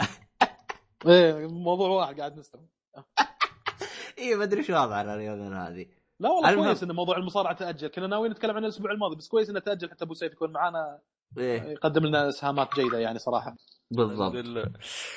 أم، والله شو اسمه هذا تراني آه، حجزت تذكرة على آه، شو اسمه السينما حق آه، فينوم خلاص أنا آه. رايح رايح رايح بشوفه أنا. فنشوف عاد إحنا وش وضع أم، حلو حلو. ال- الغريب جلست ترى جالس أدور أنا ب... عشان أنا كنت برياض قلت خلنا أشوف إذا كان يعرض عندك أو لا. ترى للآن مهم حاطين إنه جاي فما أدري عنهم عاد إيش وضعهم. ما أدري أنا إلى الآن ما رحت سينما بالرياض. ما دخلته؟ دخلته دخلت سينما. روحته. روحت شفت آه، فيلم Avengers Infinity War إيه اللي فيه. Thanos أيوه أيوه هذا شفته بالبحرين أنا هذا لا أنا شفته ب إحنا عندنا. سينما هنا وأنا أروح السينما البحرين رغم إن السينما already مفتوحة هنا عرفت؟ يعني رحت البحرين آه. مرتين في ظل وجود السينما الرياض أه والله هو شوف هو سينما الرياض ترى عليها انقطاعات هبلة ترى شويتين ما أدري الأجواء تعودت على الأجواء هناك اونس يمكن أرخص أرخص بشيء بسيط صحيح لكن آه. يعني أونس الأجواء بشكل عام الفشار ما أدري شنو وتقدر تاخذ باي وقت داخل المجمع عندك Virgin داخل City Centre عندك محلات تتمشى فيها وكذي. هذا الأشياء ما هي موجودة بالذات الرياض Park. حسيت إن المجمع كئيب شوي. ممكن الواحد يروح لحق السينما. هو أصلا المول ما أكتمل. إيه حسيت في محلات مسكرة وما شنو. هو أصلا المول أصلا أنا أنا يوم دخلت ترى دخلت يوم كان له أسبوعين فاتح السينما. يوم دخلت هو اللي رحت. له رياض بارك؟ إيه إيه. أو أو آه. يعني فترة أو بداية تو ما فتح. أو كان شفت اللي المبنى كامل يدوب بس مسو- مسوين حق مسار لين ما توصل أنت للسينما. إيه. آه، كانت تجربة يعني جيدة لكن آه الأسعار يحتاج ينزلوها. يعني عندك مثلا أنا هذا روحت. أنا اللي أنا حجزت تذكرة كلفني 40 ريال. أها. بينما أعتقد هناك حق الرياض أعتقد بيصقعك على 65 أو أو 70 ريال. أوه. إيه بهالحدود غالي. الع- إيه هم ما أدري أنا إذا نزلوا الأسعار لكن أنا أتكلم لك عن أسعار أول ما يعني فتحت. وغير عن كذا أصلا ما في غير هي يعني. يعني اللي أنت اول ما اول, عندك غير أول ما فتحوا أول سينما فتحت أخبر كانت سعر الفيلم ما أدري ب 60 ولا ب 70 ريال. حتى لا. في واحد كاتب تغريدة والله على ما أذكر كاتب مو- تغريدة مو- مو لازم مو لازم انك تطلع تكلفة السينما في أول سنة مو لازم إنك تطلع عائدات التكلفه أول سنة. والله خبرنا خبرنا غالي يا أخي حتى آه، كانت لا- 100 100 160 أو 140 إيه اللي اللي جنب 160. مدينة الملك عبد الله المالية أيوه أيوه آه 160. بس بس إنهم بعد ما 160 أيوه بع- بعد ما الناس احتجوا نزلوها 120 160 بعد- تدري شنو؟ أشتري إيه. فيها نت فأقدر أحمل torrent وايد أقدر أشترك بال Netflix أقدر أشترك بال Netflix ب 10 دولار بس. بعد أشترك ب Amazon TV. إي والله. تصدق. ويزيد معي كم كم لعبة على Steam ت- تصدق؟ والله معك حق. تقدر تشترك في خدمة Starz وتشترك إيه؟ في خدمة آه اللي هي Netflix وتقدر إيه. تشترك في خدمة اللي هي Amazon Prime يعني عندك ثلاث خدمات بقيمة فيلم واحد. مش ملاحظ؟ والثلاث خدمات هذه لمدة ث- 30 يوم شهر. مدة شهر. عموما. يا أخي value في شيء والله ما إيش يحسون في الناس اللي راحوا بهالسعر هذا. تلاقي بس شوف بس شوف ترى اللي أنا دخلته حقت آه، آه، ال 75 ريال ترى IMAX ما هي العادية. طيب still غالي. في البحرين ب 5 دولار. آه، أنا خم- دخلت في البحرين IMAX ب 5 دولار إيه. آه، اللي أنا دخلته ترى ب 55 ريال كلفني. معقول ترى والله معقول السعر هذا okay make sense شوي انت انت أي سينما روحت انت؟ فوكس؟ أيوه هنا أنا قلت لك هنا ما قد رحت أنا قاعد أسمع كلام لا الناس. لا أبغى أبغى اللي تقول أنت ب 5 دولار لا تفضح لا إيه. تفضح المكان المكان حق آه، أحمد آه، إيه، النحاس إيه. اي لا إيه، تفضح إيه. لا تفضح لا تعلم أحد طيب أوكي المهم آه، خمسه لأنك سألتني بعد شو أسوي لك شو أجاوبك لا انت انت لو قلت لي المكان حق أحمد النحاس كان أعرف. ترى ترى مسوينه عبط أنا والصاحي ما نعلم بالبودكاست ما أدري ليه. إي يا أخي يا أخي فله ذاك المكان ترى فاضي. على طول direct للسينما سعره حلو. يا رجل الس- City Centre زحمة زحمة واحيانا بالذات يوم الجمعة. ساعات بتروح بس باخذ الكتيب كذا واحد يفقصك يلا انك تمد إيدك تاخذ الكتيب شنو في أفلام؟ أنا والله ترى لا ما دخلته بس قالوا لي إنه مرة زحمة. عموما إيه. آه خلينا نختم كذا. آه في الختام يعطيك العافية. شكرا ابو سيف كانت إضافة جدا ممتازة. وشكرا يا nerd. والله تكلمت واجد عن nerd وين يا- حطمت nerd؟ إيه. فرجاء لا تتكلم عن مصارعه لمدة 20 حلقة. آه، خلاص إلى. إيه إلى بعد آه، عرض السعودية بعد نوفمبر. آه عرض السعودية راح يكون بجدة بالجوهرة كمان ولا راح يغيروا مكانه؟ بالرياض. استاد أوه، الملك فهد. بالرياض. اعتقد أعتقد باستاد الملك فهد لأنها الصورة على البوستر كذا استاد الملك فهد بالخلفية عرفت؟ آه ايات أكبر حق أستاذ الملك فهد ولا حق جامعة الملك سعود؟ والله ما أدري بس استاد الملك فهد اللي عارف إنه كبير ترى عشان كذا يخلونه حق المناسبات الكبيرة. انت أنت عارف أنت الملعب الجديد اللي فتحوه حق الملك سعود آه جامعة الملك سعود. والله لا ما اعرف آه المهم ما علينا. خلينا نقفل كذا. يعطيكم العافية شباب. مع السلامة. مع السلامة.